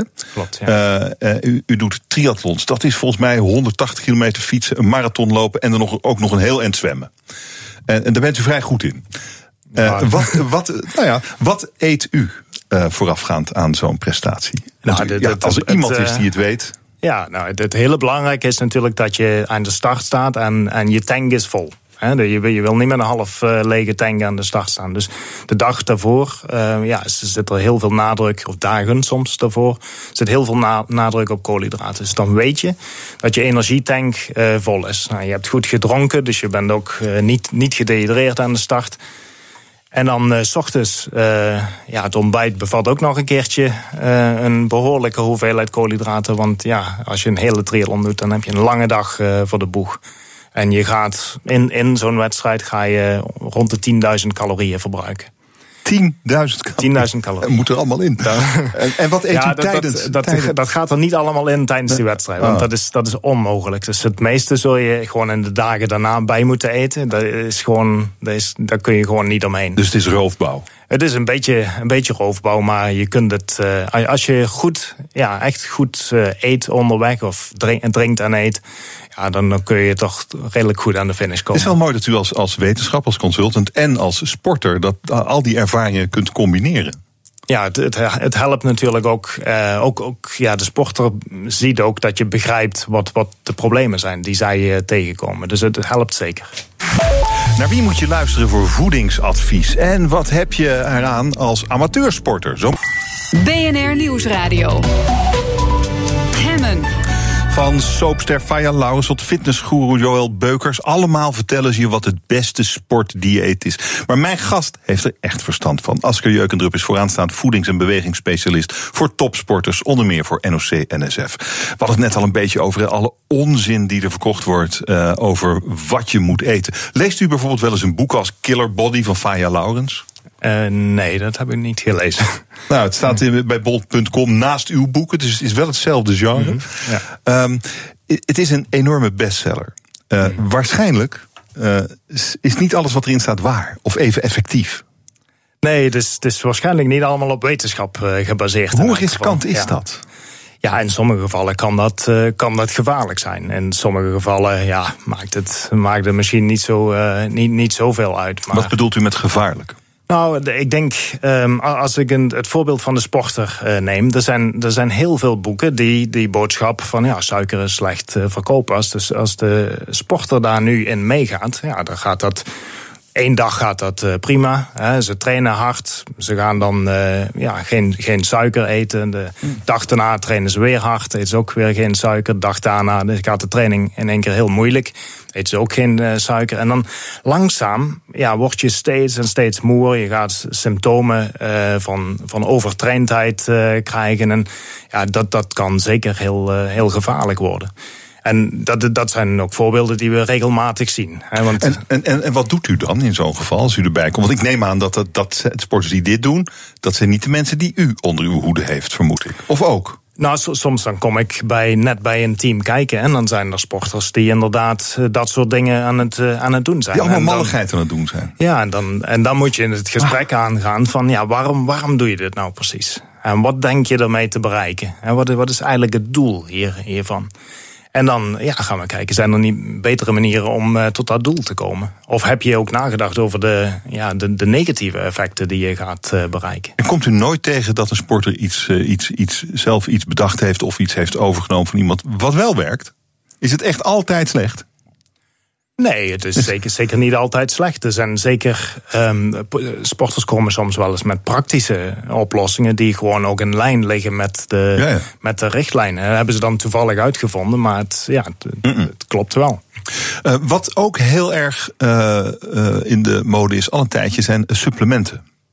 Voedingssupplementen. Ja, u begint al een beetje te lachen. Ja. Wat vindt u daarvan? Ja, normaal is dat de eerste, als het over sportvoeding gaat, dan is dat de eerste, de eerste Oh, ja. vraag die ik krijg. Welk supplement moet ik hebben? Ja? Ehm, ja, er zijn natuurlijk duizenden supplementen op de, op de markt. Enorme hoeveelheid. Het is ook een enorme industrie, wereld, eh, wereldwijd. Maar als je echt gaat kijken hoeveel supplementen er echt werken, hè, hoeveel supplementen is er bewijs voor, ja, dan hebben we het over een handvol eh, supplementen.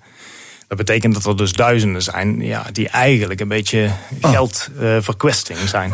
Oké, Ehm, dan is dus de truc om juist dat goede supplement te vinden. En wat is dan goed? Ja, nou ja, da- daar, dat, dat hangt ook weer af van, eh, van de context. Als we een heel populair supplement voor een hele lange tijd eigenlijk al is, is creatine. Hè. Dan gaat, Oh ja. In één keer gaat iedereen gaat creatine eh, slikken. Nou ja, wat er aan is getoond, dat creatine voornamelijk helpt bij die sporten die zeer explosief zijn, hoge intensiteit eh, en heel veel herhalingen.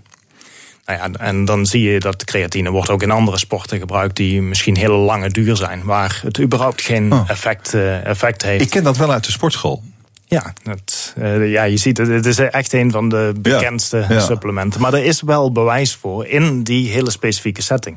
Ja, dus daar, dus- als je gewichten optilt, dan doet het wat voor je. Ik, ik kan me in een sportschool, zeker kan ik me voorstellen dat als, als het samengebruikt wordt met een juist trainingsprogramma, werkt het. Ja, en er is geen risico bij creatine. Nee, dat is. Uh... En, uh, en uh, andere supplementen. Want wat zou je, waarvan zegt u, nou ja, daar, dat heeft zin om te gebruiken? Um, Cafeïne is denk ik heel hoog. Dat wordt vaak als supplement uh, gezien. Uh, of gewoon, ja, het is natuurlijk een hele interessante. Want aan de ene kant is het gewoon een voeding. Hè. We drinken allemaal uh, koffie of thee en daar zit cafeïne in. je kunt het als supplement nemen. En dan is het, ja, het kan in pilvorm zijn of capsulevorm. Of het kan in een, hm. in een sportgel zitten. Of, um, ja, of, of we noemen het, uh, het zijn uh, drugs eigenlijk. Dus, uh, en de oh cafeïne is interessant, want het zit in die hele, in die hele range. Maar, wat, wat doet het voor een sporter? Ja, er is heel veel bewijs voor dat het de duurcapaciteit verbetert. Maar ook alertheid natuurlijk. En daarom drinken we heel veel van ons de koffie en de, mm. en, en, de thee. Dus ja, er zijn in heel veel sporten redenen waarom de cafeïne zou kunnen werken. Oh ja, dat zijn, dat zijn er twee die, uh, waar je wat aan zou kunnen hebben: creatine, cafeïne. Waarvan zegt u dat is gewoon link als u die supplementen neemt? Ja, er zijn, er zijn veel, um, ja, veel supplementen, zeker uh, supplementen die uit uh, Amerika komen, die helemaal niet getest zijn, niet gecontroleerd zijn, waar ja, waar dus ook substanties in kunnen zitten die, eh, die echt schadelijk uh, kunnen zijn. Er zijn ook verschillende supplementen van de markt gehaald omdat dat uh, zo was. Hm. Maar dat staat dan niet op het label. Dus je, je koopt het om een bepaalde reden, iets wat op het label staat. Maar dan zitten er andere stoffen in uh, die, die gevaarlijk zijn, maar die staan niet genoemd. Ja, ja. ja. Dus dat, dat komt voor. En, we hebben natuurlijk ook um, uh, we zien ook veel uh, doping. Uh, we hebben de doping van, van, verboden middelen, maar we hebben ook de doping van wat bijvoorbeeld de, de, het medicijn tegen die schildklierafwijking. Schaatsers blijken dat te gebruiken. Je hebt de astma-medicijnen die gebruikt worden ook door wielrenners, omdat het, ja, het verhoogt je longcapaciteit. Ja. Ehm, hoe, hoe staat u daar tegenover? Want u komt die sporters ook tegen die dat gebruiken. Ja, nou ja, je moet, je moet natuurlijk aan de ene kant, het staat natuurlijk, uh, dus gewoon, het staat niet op de, op de, op de lijst. nee, het is niet uh, verboden, dus het mag. En de cafeïne is eigenlijk ook zo, uh, ja, het staat, staat, stond op de lijst, staat niet meer op de, op de lijst. Dus ja, dus zeker in een, in een grijs gebied. En het wordt, het wordt ook zeker hier en daar hmm. gebruikt. Maar ik ga altijd terug naar, ja, wat is nou eigenlijk echt het bewijs dat dat iets doet? dus dat doen we met, met de voeding, gaan we kijken van ja, ga eens echt kijken van oh ja, wat, wat is het bewijs dat het zeker in deze context iets, iets gaat doen. Nou, dat schildkliermedicijn, ja, dus dat, hormonen. Da, doet dat wat? Ja, dat doet niks. Dus, voor, doet niks. dus als je het mij vraagt, ik heb geen idee waarom, uh, waarom het uh, genomen wordt. Want als je puur kijkt naar de ja, naar de literatuur, dan, eh, dan kun je dat daar niet uithalen. Dus dat, hoe, komt het, hoe komt het dan dat ze dat doen? Dat, eh, wat maakt nou zich dan meester van die eh, mensen? Dus je, je gelooft in iets hè, en je hoopt dat iets je gaat helpen. Placebo-effect. Uh, het, dan gaat het, het kan, het kan een placebo-effect ah, zijn. Ah. En dan, uh, maar ja, we hebben allemaal de hoop dat ja, als we deze voeding eh, doen of dit supplement uh, nemen, ja, dan, dan krijg ik dat, uh, dat kleine beetje extra. Ja, maar daar gaat het om. En dat is uw vak, dat kleine beetje extra mogelijk maken. Dat is het. En ja, ik denk helaas mijn boodschap is een beetje dat dat soort ja, makkelijke dingen waarvan je in één keer uh, sneller gaat, gaat fietsen of rennen, of, ja, dat, dat, dat is er niet. Dat is er niet. En die, die astma-medicijnen? Dat doet wel wat. Vergroot je longblaasjes een beetje. Heb je meer capaciteit. Nee, alleen als je astma hebt. Als je geen astma hebt, doet, het ook, doet niks. Het ook niks. Nee. Dus. nou ja, dat, dus- dat lijkt me dan wel overtuigend, ja. uh, uh, uh, overtuigend argument om ze ervan af te krijgen. Ja. Als, ik nou, als ik nou als amateursporter, zou ik ook iets kunnen hebben aan uw adviezen? Wat, wat, hoe, hoe kun je dat transponeren naar, naar amateurs? Ja, ik denk, ik denk dat dat eigenlijk 100% eh, vertaalbaar is. Dus die, diezelfde soort adviezen die kun je ook eh, in amateursport eh, gebruiken. Het is natuurlijk, soms moet je afvragen of het al die moeite wel waard is. Als we proberen in een Tour de France om iemand voor een etappe een halve kilo lichter te maken of een kilo lichter te maken. Ja, als, als je twee keer per week gaat, gaat fietsen, ja, dat, dat, heeft, dat heeft geen zin. En dan moet je door al die moeite gaan doen. Dus daar, daar zit het een beetje in. Van hoe belangrijk is dat? Maar bijvoorbeeld een, uh, als je een lange fietstocht uh, gaat maken een keer, ja, een koolhydraatdrank. die, of, of iets van koolhydraten die je meeneemt. Dat gaat ook de amateursporter helpen. Dat, ja. Ik vind het wel fascinerend wat u zegt dat je voor een etappe iemand een halve kilo of een kilo lichter kunt maken. Hoe doe je dat? Hij moet eten, hij moet fietsen en toch lichter worden. Ja, nou ja, dat, je, je kunt het op verschillende manieren doen. Dus je, ehm, als je veel zout inneemt, bijvoorbeeld, hou je vocht vast. Dus als je het omgekeerde doet, je gaat je zoutinname een beetje verminderen, uh, dan, dan kun je ook op die manier vocht uh, verliezen.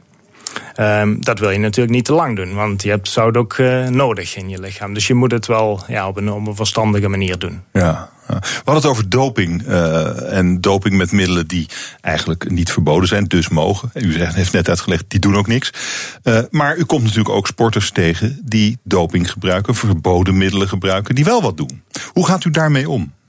Ja, als ik dat, als ik dat wist. Dus ik, ik, zie, dat, ik, ik zie dat niet. Dus uh, als, ik, als ik wist dat uh, dat, dat uh, gebruikt werd, ja, dan, dan, dan zou ik er waarschijnlijk niet mee werken. Maar zou je dan dat... afscheid nemen van zo'n van zo'n ploeg, van zo'n atleet? Ja, de, ja? Je, dat, dat zou ik zeker zelf zeker doen. Ja, als dat heel duidelijk is, dan. maar ja, dat is het natuurlijk nooit. Nee, maar het moet gebeuren. Ook bij mensen met wie u werkt.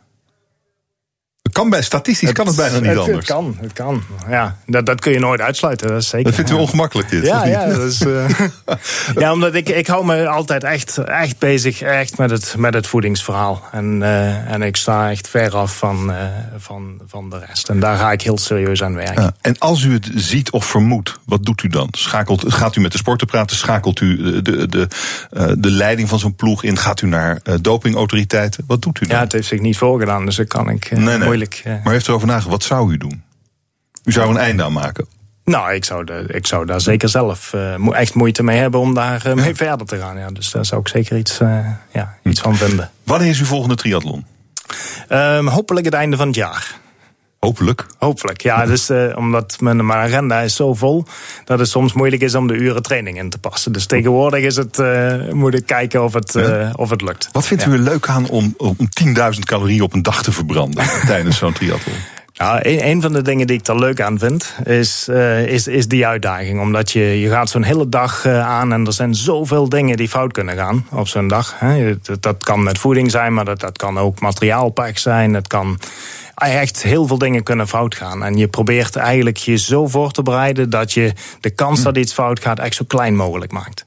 En dan ga je, dat, uh, ga je jezelf testen. Of je op die dag inderdaad uh, ja, goed genoeg bent om het te doen. Einde van het jaar. Ik uh, wens u nu alvast heel veel succes. En dank u wel voor dit gesprek. Asker Jeukendrup, voedingsspecialist voor topsoorters bij onder meer NOC-NSF. Dank u zeer.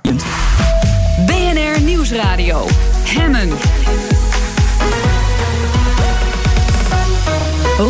Hemmen. Afgelopen half jaar is er een record aantal zonnepanelen verkocht. Dat zet de netbeheerders onder druk. Bespreek het in... De kantine.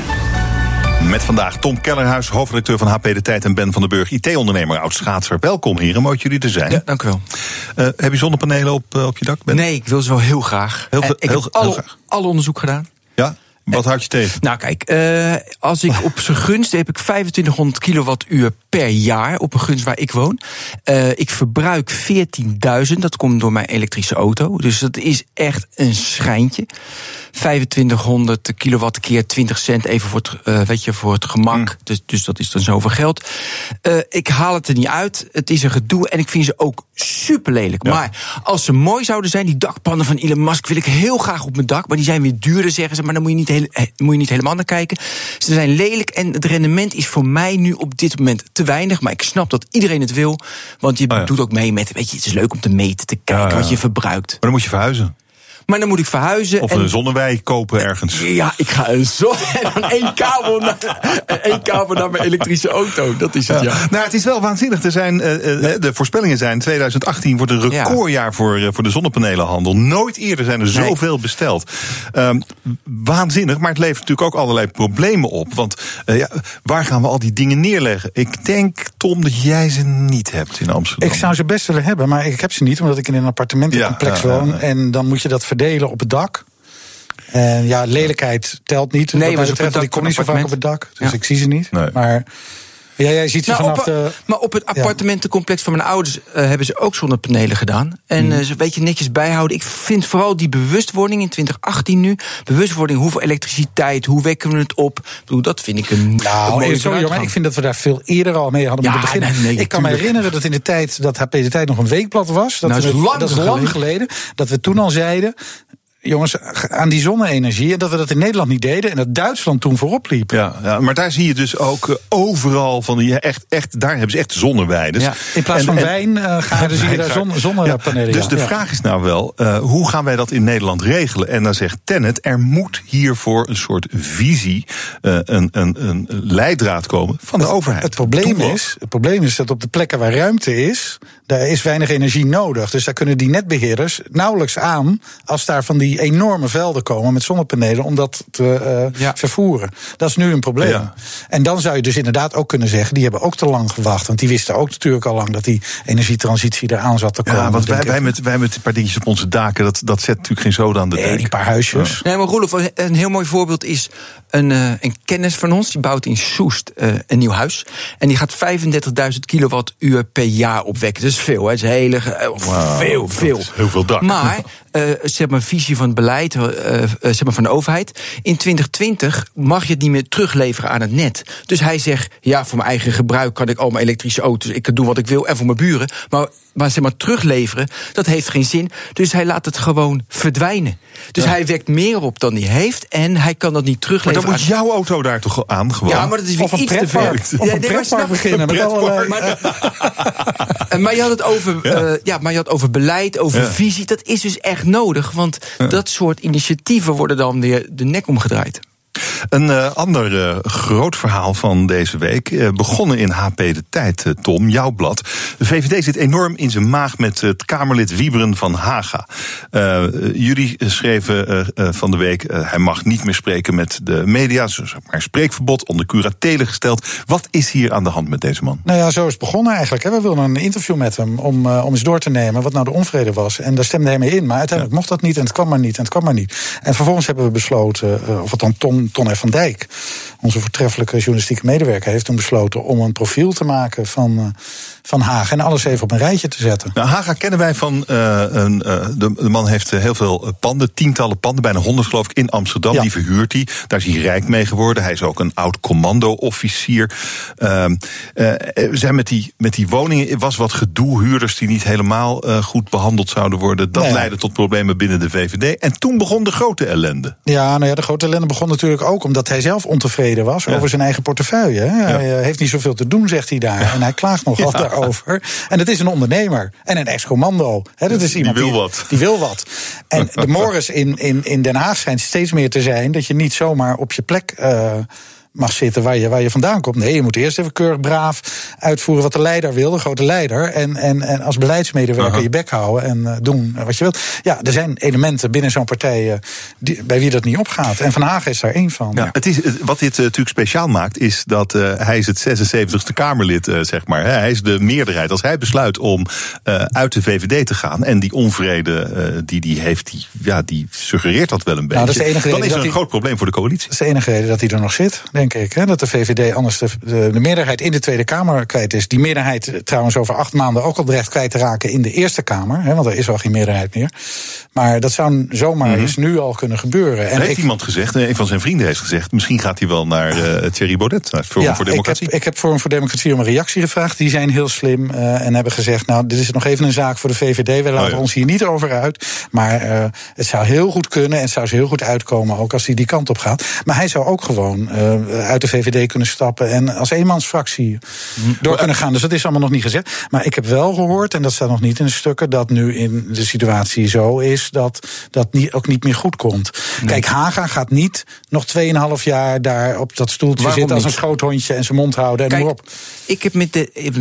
Het was mij helemaal niet bekend en ik las dat vanmorgen allemaal. Ik denk, kan zo'n man zich nou niet gewoon dienstbaar opstellen? Hij is al een held, hij heeft honderden panden. Zijn vrienden zullen hem fantastisch vinden. Hij kan alle rondjes geven die hij wil. En dan nog, en dan nog een rondje.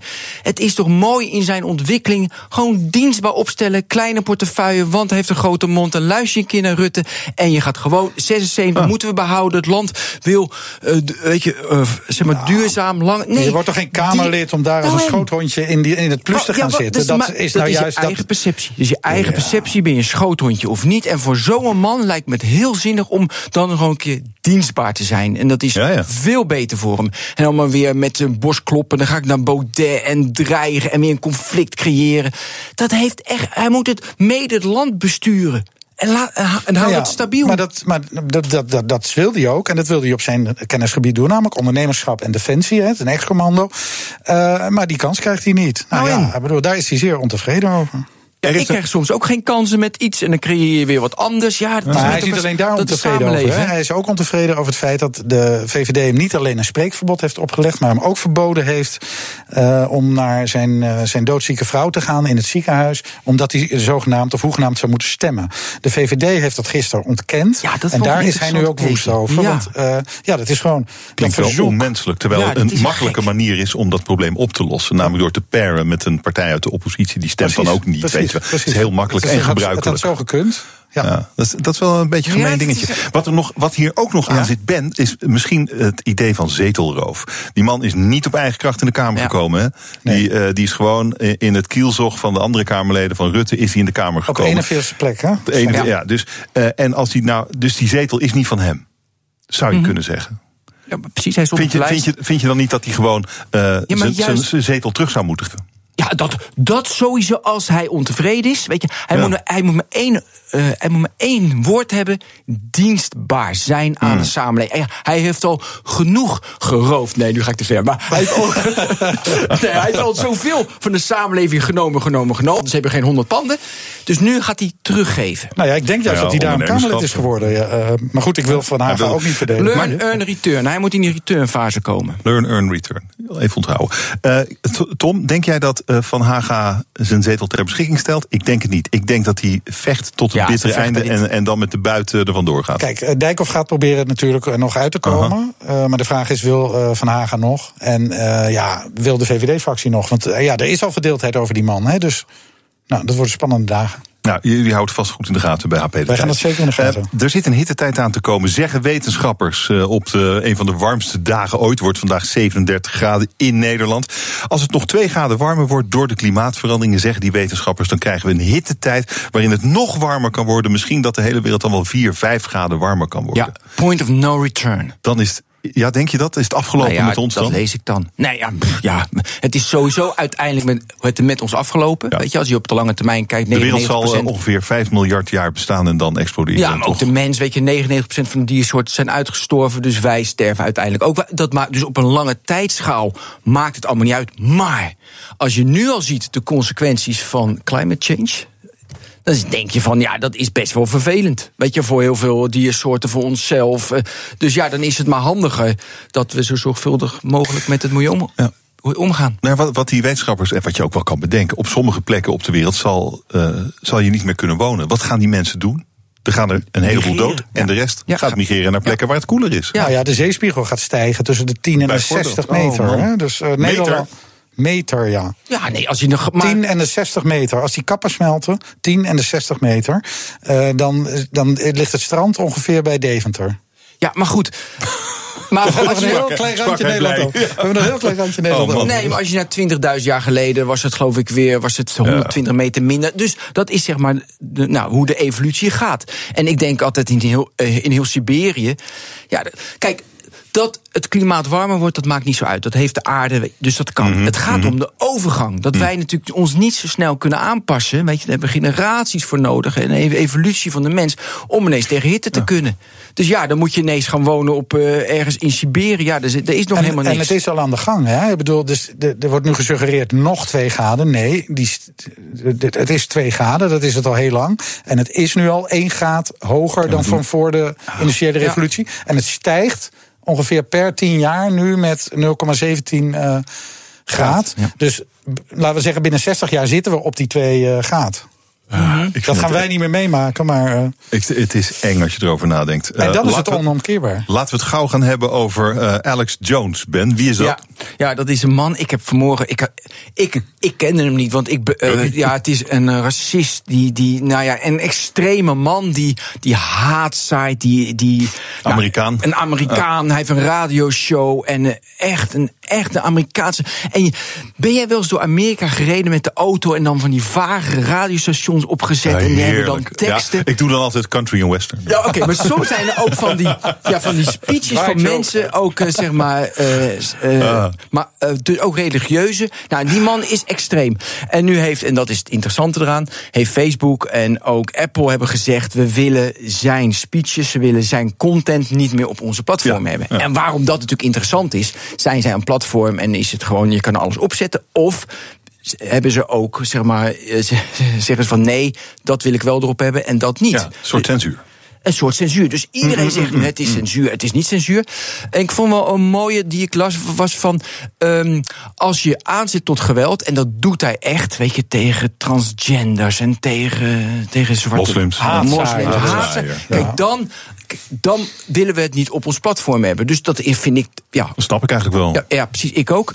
Maar Twitter die zegt van nee, het, het voldoet nog aan onze voorwaarden. Dus daar, heb je een discussie. Eh, maar waar ze staan, die grote platformen, dat vind ik het interessante eraan. Ja, en dit is, dit is wel weer een lakmoesproef. Hmm. En we zien. Vind je dat Twitter hem er ook af zou moeten gooien? Ja, wat ik gezien heb, wat hij doet, zou. Ik vind hem heel moeilijk. Eh, ja. Hmm. Ik, vind toch, ik vind toch van wel, omdat het inderdaad haatzaai is. En dat is ook bij wet verboden. Dus denk ik van, dat moet je niet doen. Het blijft rommelen bij Ryanair. Het is vooralsnog onzeker of Nederlandse piloten komende week mee gaan staken. We bespreken het zo direct in de kant. BNR Nieuwsradio.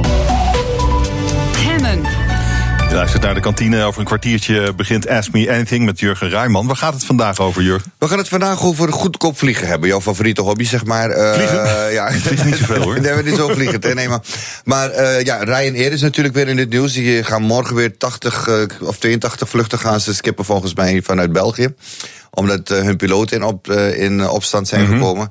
Eh, ze hebben laatst in 300 medewerkers in Ierland hebben ze gezegd van luister, jullie kunnen je baan behouden, maar dan moet je naar Polen verhuizen, want jullie activiteiten hier worden opgegeven. Eh, het vliegen wordt steeds goedkoper, maar het wordt, ook, ja, het wordt ook steeds banaler. Ik bedoel, als je kijkt, je moet voor alles bijbetalen. Binnenkort gaan ze je nog vragen als je wil betalen om naar het toilet te gaan voor mij, met, het, met die budget flyers. Want ze halen de helft van het geld halen ze dus uit een ticket en de andere helft halen ze uit alle diensten die erbij komen als gratis, eh, of tenminste je bagage dat je mee wil nemen. Als je een beetje meer beenruimte wil hebben, als je dat wil eten, drinken, dat soort dingen, dat wordt allemaal erbij gehaald. Dus het is, het is ja, het businessmodel, hoe lang is het houdbaar eigenlijk? En gaan we steeds goedkoper vliegen? Er is een berekening geweest dat eh, volgend jaar of in 2027 de helft van alle eh, vluchten wereldwijd door een, ja, door een prijsfighter zullen worden uitgevoerd. eh. en dat zijn er heel wat. Eh, het is ook heel slecht voor het milieu natuurlijk. Dus eh, we hebben genoeg vandaag om over te praten met Ja, eh, de gasten. interessant. Hartstikke mooi. Ja. Nou, heb je vragen erover? Vlieg je zelf eh, te goedkoop met Ryanair? Ik heb het, ik heb het twee keer gedaan met Ryanair. De eerste en de laatste keer was dat. verschrikkelijk toch, Dus man. Ik was mijn instapkaart vergeten thuis. Hebben Had ze ik die al uitgeprint. Moest ik gewoon 50 euro betalen. Om, dat, ze, een- dat, ze, een- dat ze een instapkaart voor me uitprinten. En ik zei, ja, weet je, krijg het even heen en weer met je Ja, Ryanair. maak ze kapot. Ja, ik maak ze ook en vandaag. Vandaag vliegen ze naar de strot. Hebben ze al staapplekken? Eh, dat, voor mij waren ze daar ook nog mee bezig. zijn ze mee bezig, Ja, dat is niet? Waarom niet, jongens? Ja. Als je een uurtje moet vliegen, kan je toch ook staan? Ja, is niet veilig genoeg, heb ik. eh, Ja, nee, het is wel veilig genoeg. Je krijgt Ja? van die speciale skischoenen die ze vastklikken in de vloer, zodat je niet weg kan. Dat. Maar ja, we hebben vragen vandaag over het goedkoop vliegen. Laat me weten via Twitter, at BNR, via Facebook. Je kan me even WhatsApp, het nummer staat op bnr.nl of sturen een mail naar askme.bnr.nl. Maar het leukste, Rolof, Vliegensvlucht bellen. gewoon vliegensvlucht bellen. Hele goeie nee. Yo, wat ben je bij hele leven? 020 468 4 Stel je vraag live in de uitzending. Jurgen, dankjewel. Veel plezier. Jullie ook je veel plezier. Je luistert naar de kantine. Ben van den Burg is hier, onder- IT-ondernemer, oud-schaatser... en Tom Kellerhuis, hoofdredacteur van HP De Tijd. Eh, vliegen jullie goedkoop? Het liefst goedkoop? Zo goedkoop mogelijk? Business class laatst. Business class, ja. Oh, dat is verwennerij, hè? Maar niet bij Ryanair. Nee, ik kan ook KLM. Weet je wat, maar weet je dat je dan gewoon vier keer meer betaalt dan achter het gordijntje? Ja, maar dan heb je wel een goed gevoel in ieder geval over de CO2-neutraliteit. Tijd. Tax. Tax? Hoezo? Wat? Ik weet niet. Nee, nee, dan, heb ik gewoon, dan nou? heb ik gewoon het idee dat ik genoeg betaald heb. Ja, dat heb je zeker, ja. En je komt lekker het vliegtuig uit. Ja, En, heerlijk. eh, Maar, eh, en dat betaal je zelf? Ja. Jeetje. Dan vlieg je, maar- vlieg je dan Ik heel ben weinig. zelfstandig ondernemer, hè, dus het is aftrekbaar. Als ik er een dingetje Als je aan op vakantie gaat. Nee, Nee, hoor. nee, nee, maar ik kook ook nog steeds. Dus eh, ik kan Ah. er altijd een soort culinair tripje van maken. Oh, dat is, dat is, dat is slim. Dus, eh, en eh, Ben, jij ook gewoon Nee. lekker business class? Ja, soms. Ja. En ik ga niet. Ik probeer altijd wel een goede stoel. eh, Als ik zeg maar, zeg maar, zeg maar binnen Europa. Dan zorg ik wel dat het goed zit. Maar je ziet natuurlijk wel dat die, die, die prijsvechters. ehm, die, dat, het gaat ten koste van het personeel. Dat is waar die piloten zich nu Ja, ook het druk gaat over dus ook ten koste van de veiligheid, van eh, de, de, de vliegveiligheid. Want als die piloten ontevreden zijn of niet eh, goed behandeld Mhm. worden, of te veel vluchten Ah, moeten maken om te verdienen. Dat is een bangmakerij hoor. Nee. Want zoveel vliegtuigen knallen niet naar beneden. Nee, nee, nee, maar dat is wel, eh, dat is wel wat er kan gebeuren. Nee, ik heb meer van er zit een fundamentele economische eh, frictie. Dat zie je met de Uber, eh, dat zie je met de Uber taxichauffeurs. Weet je wel? En je, je ziet het Ja, hier. precies. dus wil je als onderneming wil je iemand uitbuiten? Want dan heb ik heel veel klanten. Want de klanten willen uiteindelijk weinig betalen. Daar, weet je, daar zit doe je toch iets niet goed eigenlijk. nou, ik persoonlijk hou daar, ik hou niet van dat businessmodel. Helemaal niet. Ik vind je moet, weet je, de beste service voor een beste prijs. En de klant wil het graag betalen, want je biedt iets mooi. Eh, ja, Hmm. maar goed, dat is mijn manier. Maar heel veel mensen die vinden het heel spannend om dan die, die, die, die, die ene, die, eh, dus die piloot uit te knijpen, want dan kan ik een goedkope ticket. Dus je zit, er zit een dilemma in. En dat vind ik het hele moeilijke hieraan. Eh wat moeten we hiervan zeggen? Piloten rein en onzeker. Ja, het is het model. Aan de andere kant, piloten kiezen er wel voor. Je hoeft er niet te gaan vliegen. Je hoeft geen piloot te worden. Dus mag ik nog heel even. Daar zou ik over na te denken. Maar mijn dochter wordt arts. Weet je, nu denk je, nou prima. Maar die worden natuurlijk in de toekomst, als je een beetje kijkt naar de toekomst, weet je, die gaan natuurlijk ook uitgeknepen worden. Weet je wel, ja, logisch, want dat is ook een commodity arts worden. Want ja, dat is een heel. Weet je, dat wordt ook een commodity gemaakt. Of ga ik nu te veel in de theorie? Hmm. Ik weet het niet. Ik, Eh, ik vind het interessant. Nee, gedachte. ja, maar goed. De arts, zeg maar, eh, zeg maar specialisten, die houden nu, nu nog het vol om goed betaald te worden. Maar als je ook kijkt naar heel veel, weet je, een huisarts verdient toch niet meer zoveel. Dus er wordt natuurlijk steeds meer, wordt dat, uit, ja, Hmm. wordt dat uitgewrongen. Dus dan denk ik van, hé, hey, maar ik wil wel dat zij goed gaat verdienen. Maar dat, dat model Ja, is maar wat ook... is goed verdienen? Eh, een, een, een specialist nu een, eh, in een academisch ziekenhuis, een ton of twee, geloof ik. Nou, was, was ook nou, veel meer. Hè? Nee, als je in loondienst bent, is het gewoon rond eh, 130.000 euro. Oh ja? Zo weinig ja. nog maar. Ja, dus weet je, nou, Ryanair, dat zat volgens mij op 55.000 een piloot. En Hmm. want ik zat er pas op te zoeken. En een, eh, nou, dus prima natuurlijk. Maar ze hebben een dure opleiding betaald, weet je. Dus daar zitten. En je hoeft het niet te worden. Zeg, ja, je hoeft geen piloot, je hoeft geen arts te Nee, maar als worden. je dat nou mooi vindt, dan moet je dat toch gewoon Daarom. doen. Nou, maar, maar ja, ik vind dat dilemma lastig. Ja, ja, ja, ja. en, waarom, en waarom in het hoogseizoen? Staken, dacht ik nog. Ja, omdat Ja, ja, het dan meer impact. zin Maar dan heeft. het meer impact, oké. Ja. Eh, en ik heb een ander eh, interessant verhaal gevonden vanmorgen. Eh, dat gaat over een bedrijf waar werknemers meebeslissen over het salaris van andere werknemers. Van hun collega's dus. Ja, flauwekul. Is een app voor. Flauwekul. Kunnen ze, kunnen ze stemmen. Moet die teller- kellerhuis wel zoveel verdienen? Nou, nee, er stond, de baas bepaalt niet je, eh, je, de, baas bepaalt niet je salaris, maar je collega's. Nou, in de eerste plaats bepaal ik zelf mijn salaris in overleg met mijn eh, opdrachtgever of baas. Zo lijkt het mij te gaan. En daar heeft verder niemand iets mee te maken. Nee? Nee. Eh, Nou, maar kijk, ben, zie jij er wat in in jouw Nee, bedrijf? het is echt heel, eh, echt heel slecht. Want als je bijvoorbeeld een content editor van 18 jaar oud... die net van school komt en dan wat stukjes stikt... die heeft geen idee van het complete ecosysteem waar een bedrijf zich in bevindt. Dus die weet niet van, weet je, die denken van, ik zal een voorbeeld geven. Bij ons dan hebben wij, want je moet hip zijn, dan hebben we ineens eh, hebben we gras aan de muur hebben gebouwd. Weet je, gras aan de muur, want dan vinden mensen hip. Dus hebben we gras. Dus Heel we- gras. zo- Een gras aan de muur. Nee, dat is echt zo. Gras op een muur kost echt helemaal niks. Gewoon 1780 euro. Weet je wel? Nou, dat maakt op het grote geheel maakt 1780 euro niets uit. Maar zijn er dus mensen. Die zeggen van ja, belachelijk. Gaan ze een beetje gras tegen de muur doen, maar een salarisverhoging, of, dat kan er niet af.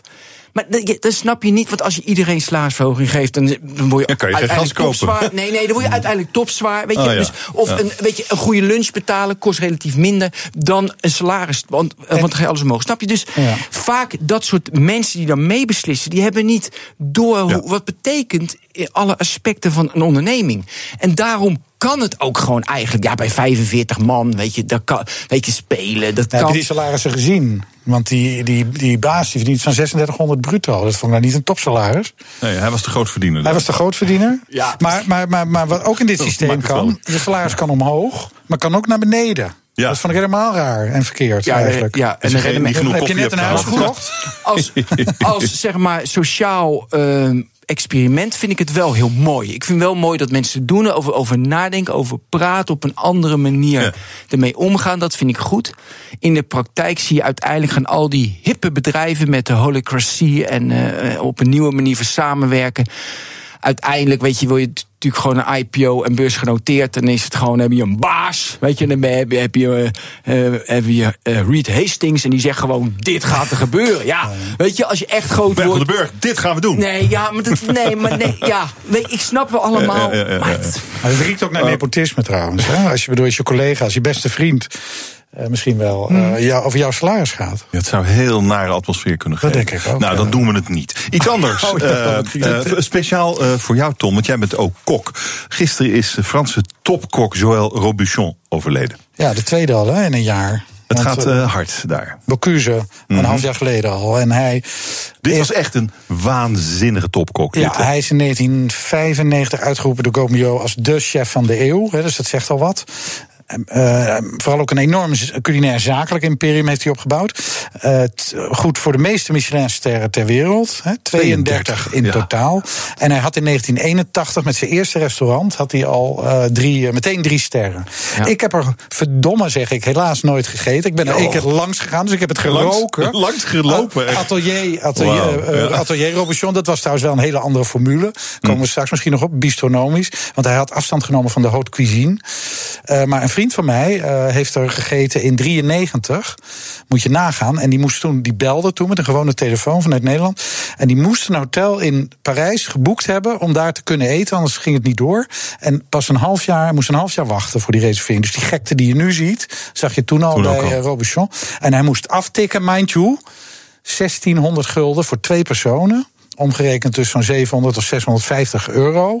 Nou, er is nog steeds in, in, Amsterdam geen restaurant waar je voor dat bedrag. eh, voor meer dan dat bedrag eet. Vier gangen en een flesje huiswijn. De- de- maar de huiswijn. ervaring van je leven. Deze man, deze, Ja. man, deze Robuchon, eh, maakte een goddelijke eh, aardappelpuree.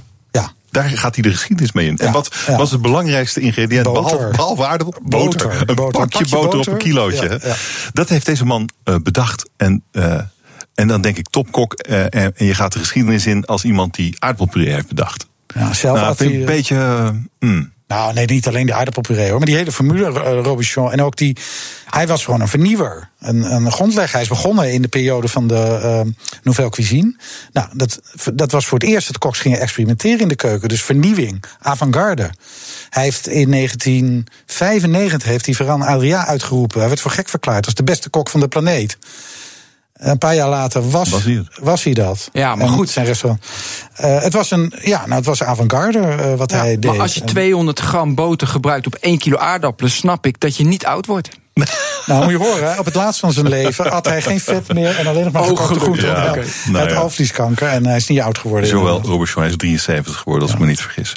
Ehm, ik moet de, de kantine dichtgooien, tot mijn spijt. Dank dat jullie er waren. Tom Kellerhuis, hoofdredacteur van HP De Tijd... en Ben van den Burg, IT-ondernemer en oud-schaatser. Dank jullie zeer. Graag gedaan. Dit was het voor vandaag. Morgen ben ik er natuurlijk weer. Dan is Ronnie Doedijns mijn gast. Hij is van Honden voor Honden. En ik spreek hem over de hondenshow... die in de RAI in Amsterdam wordt georganiseerd. Dat morgen. Nu Jurgen Ruijman met Ask Me Anything. Dag.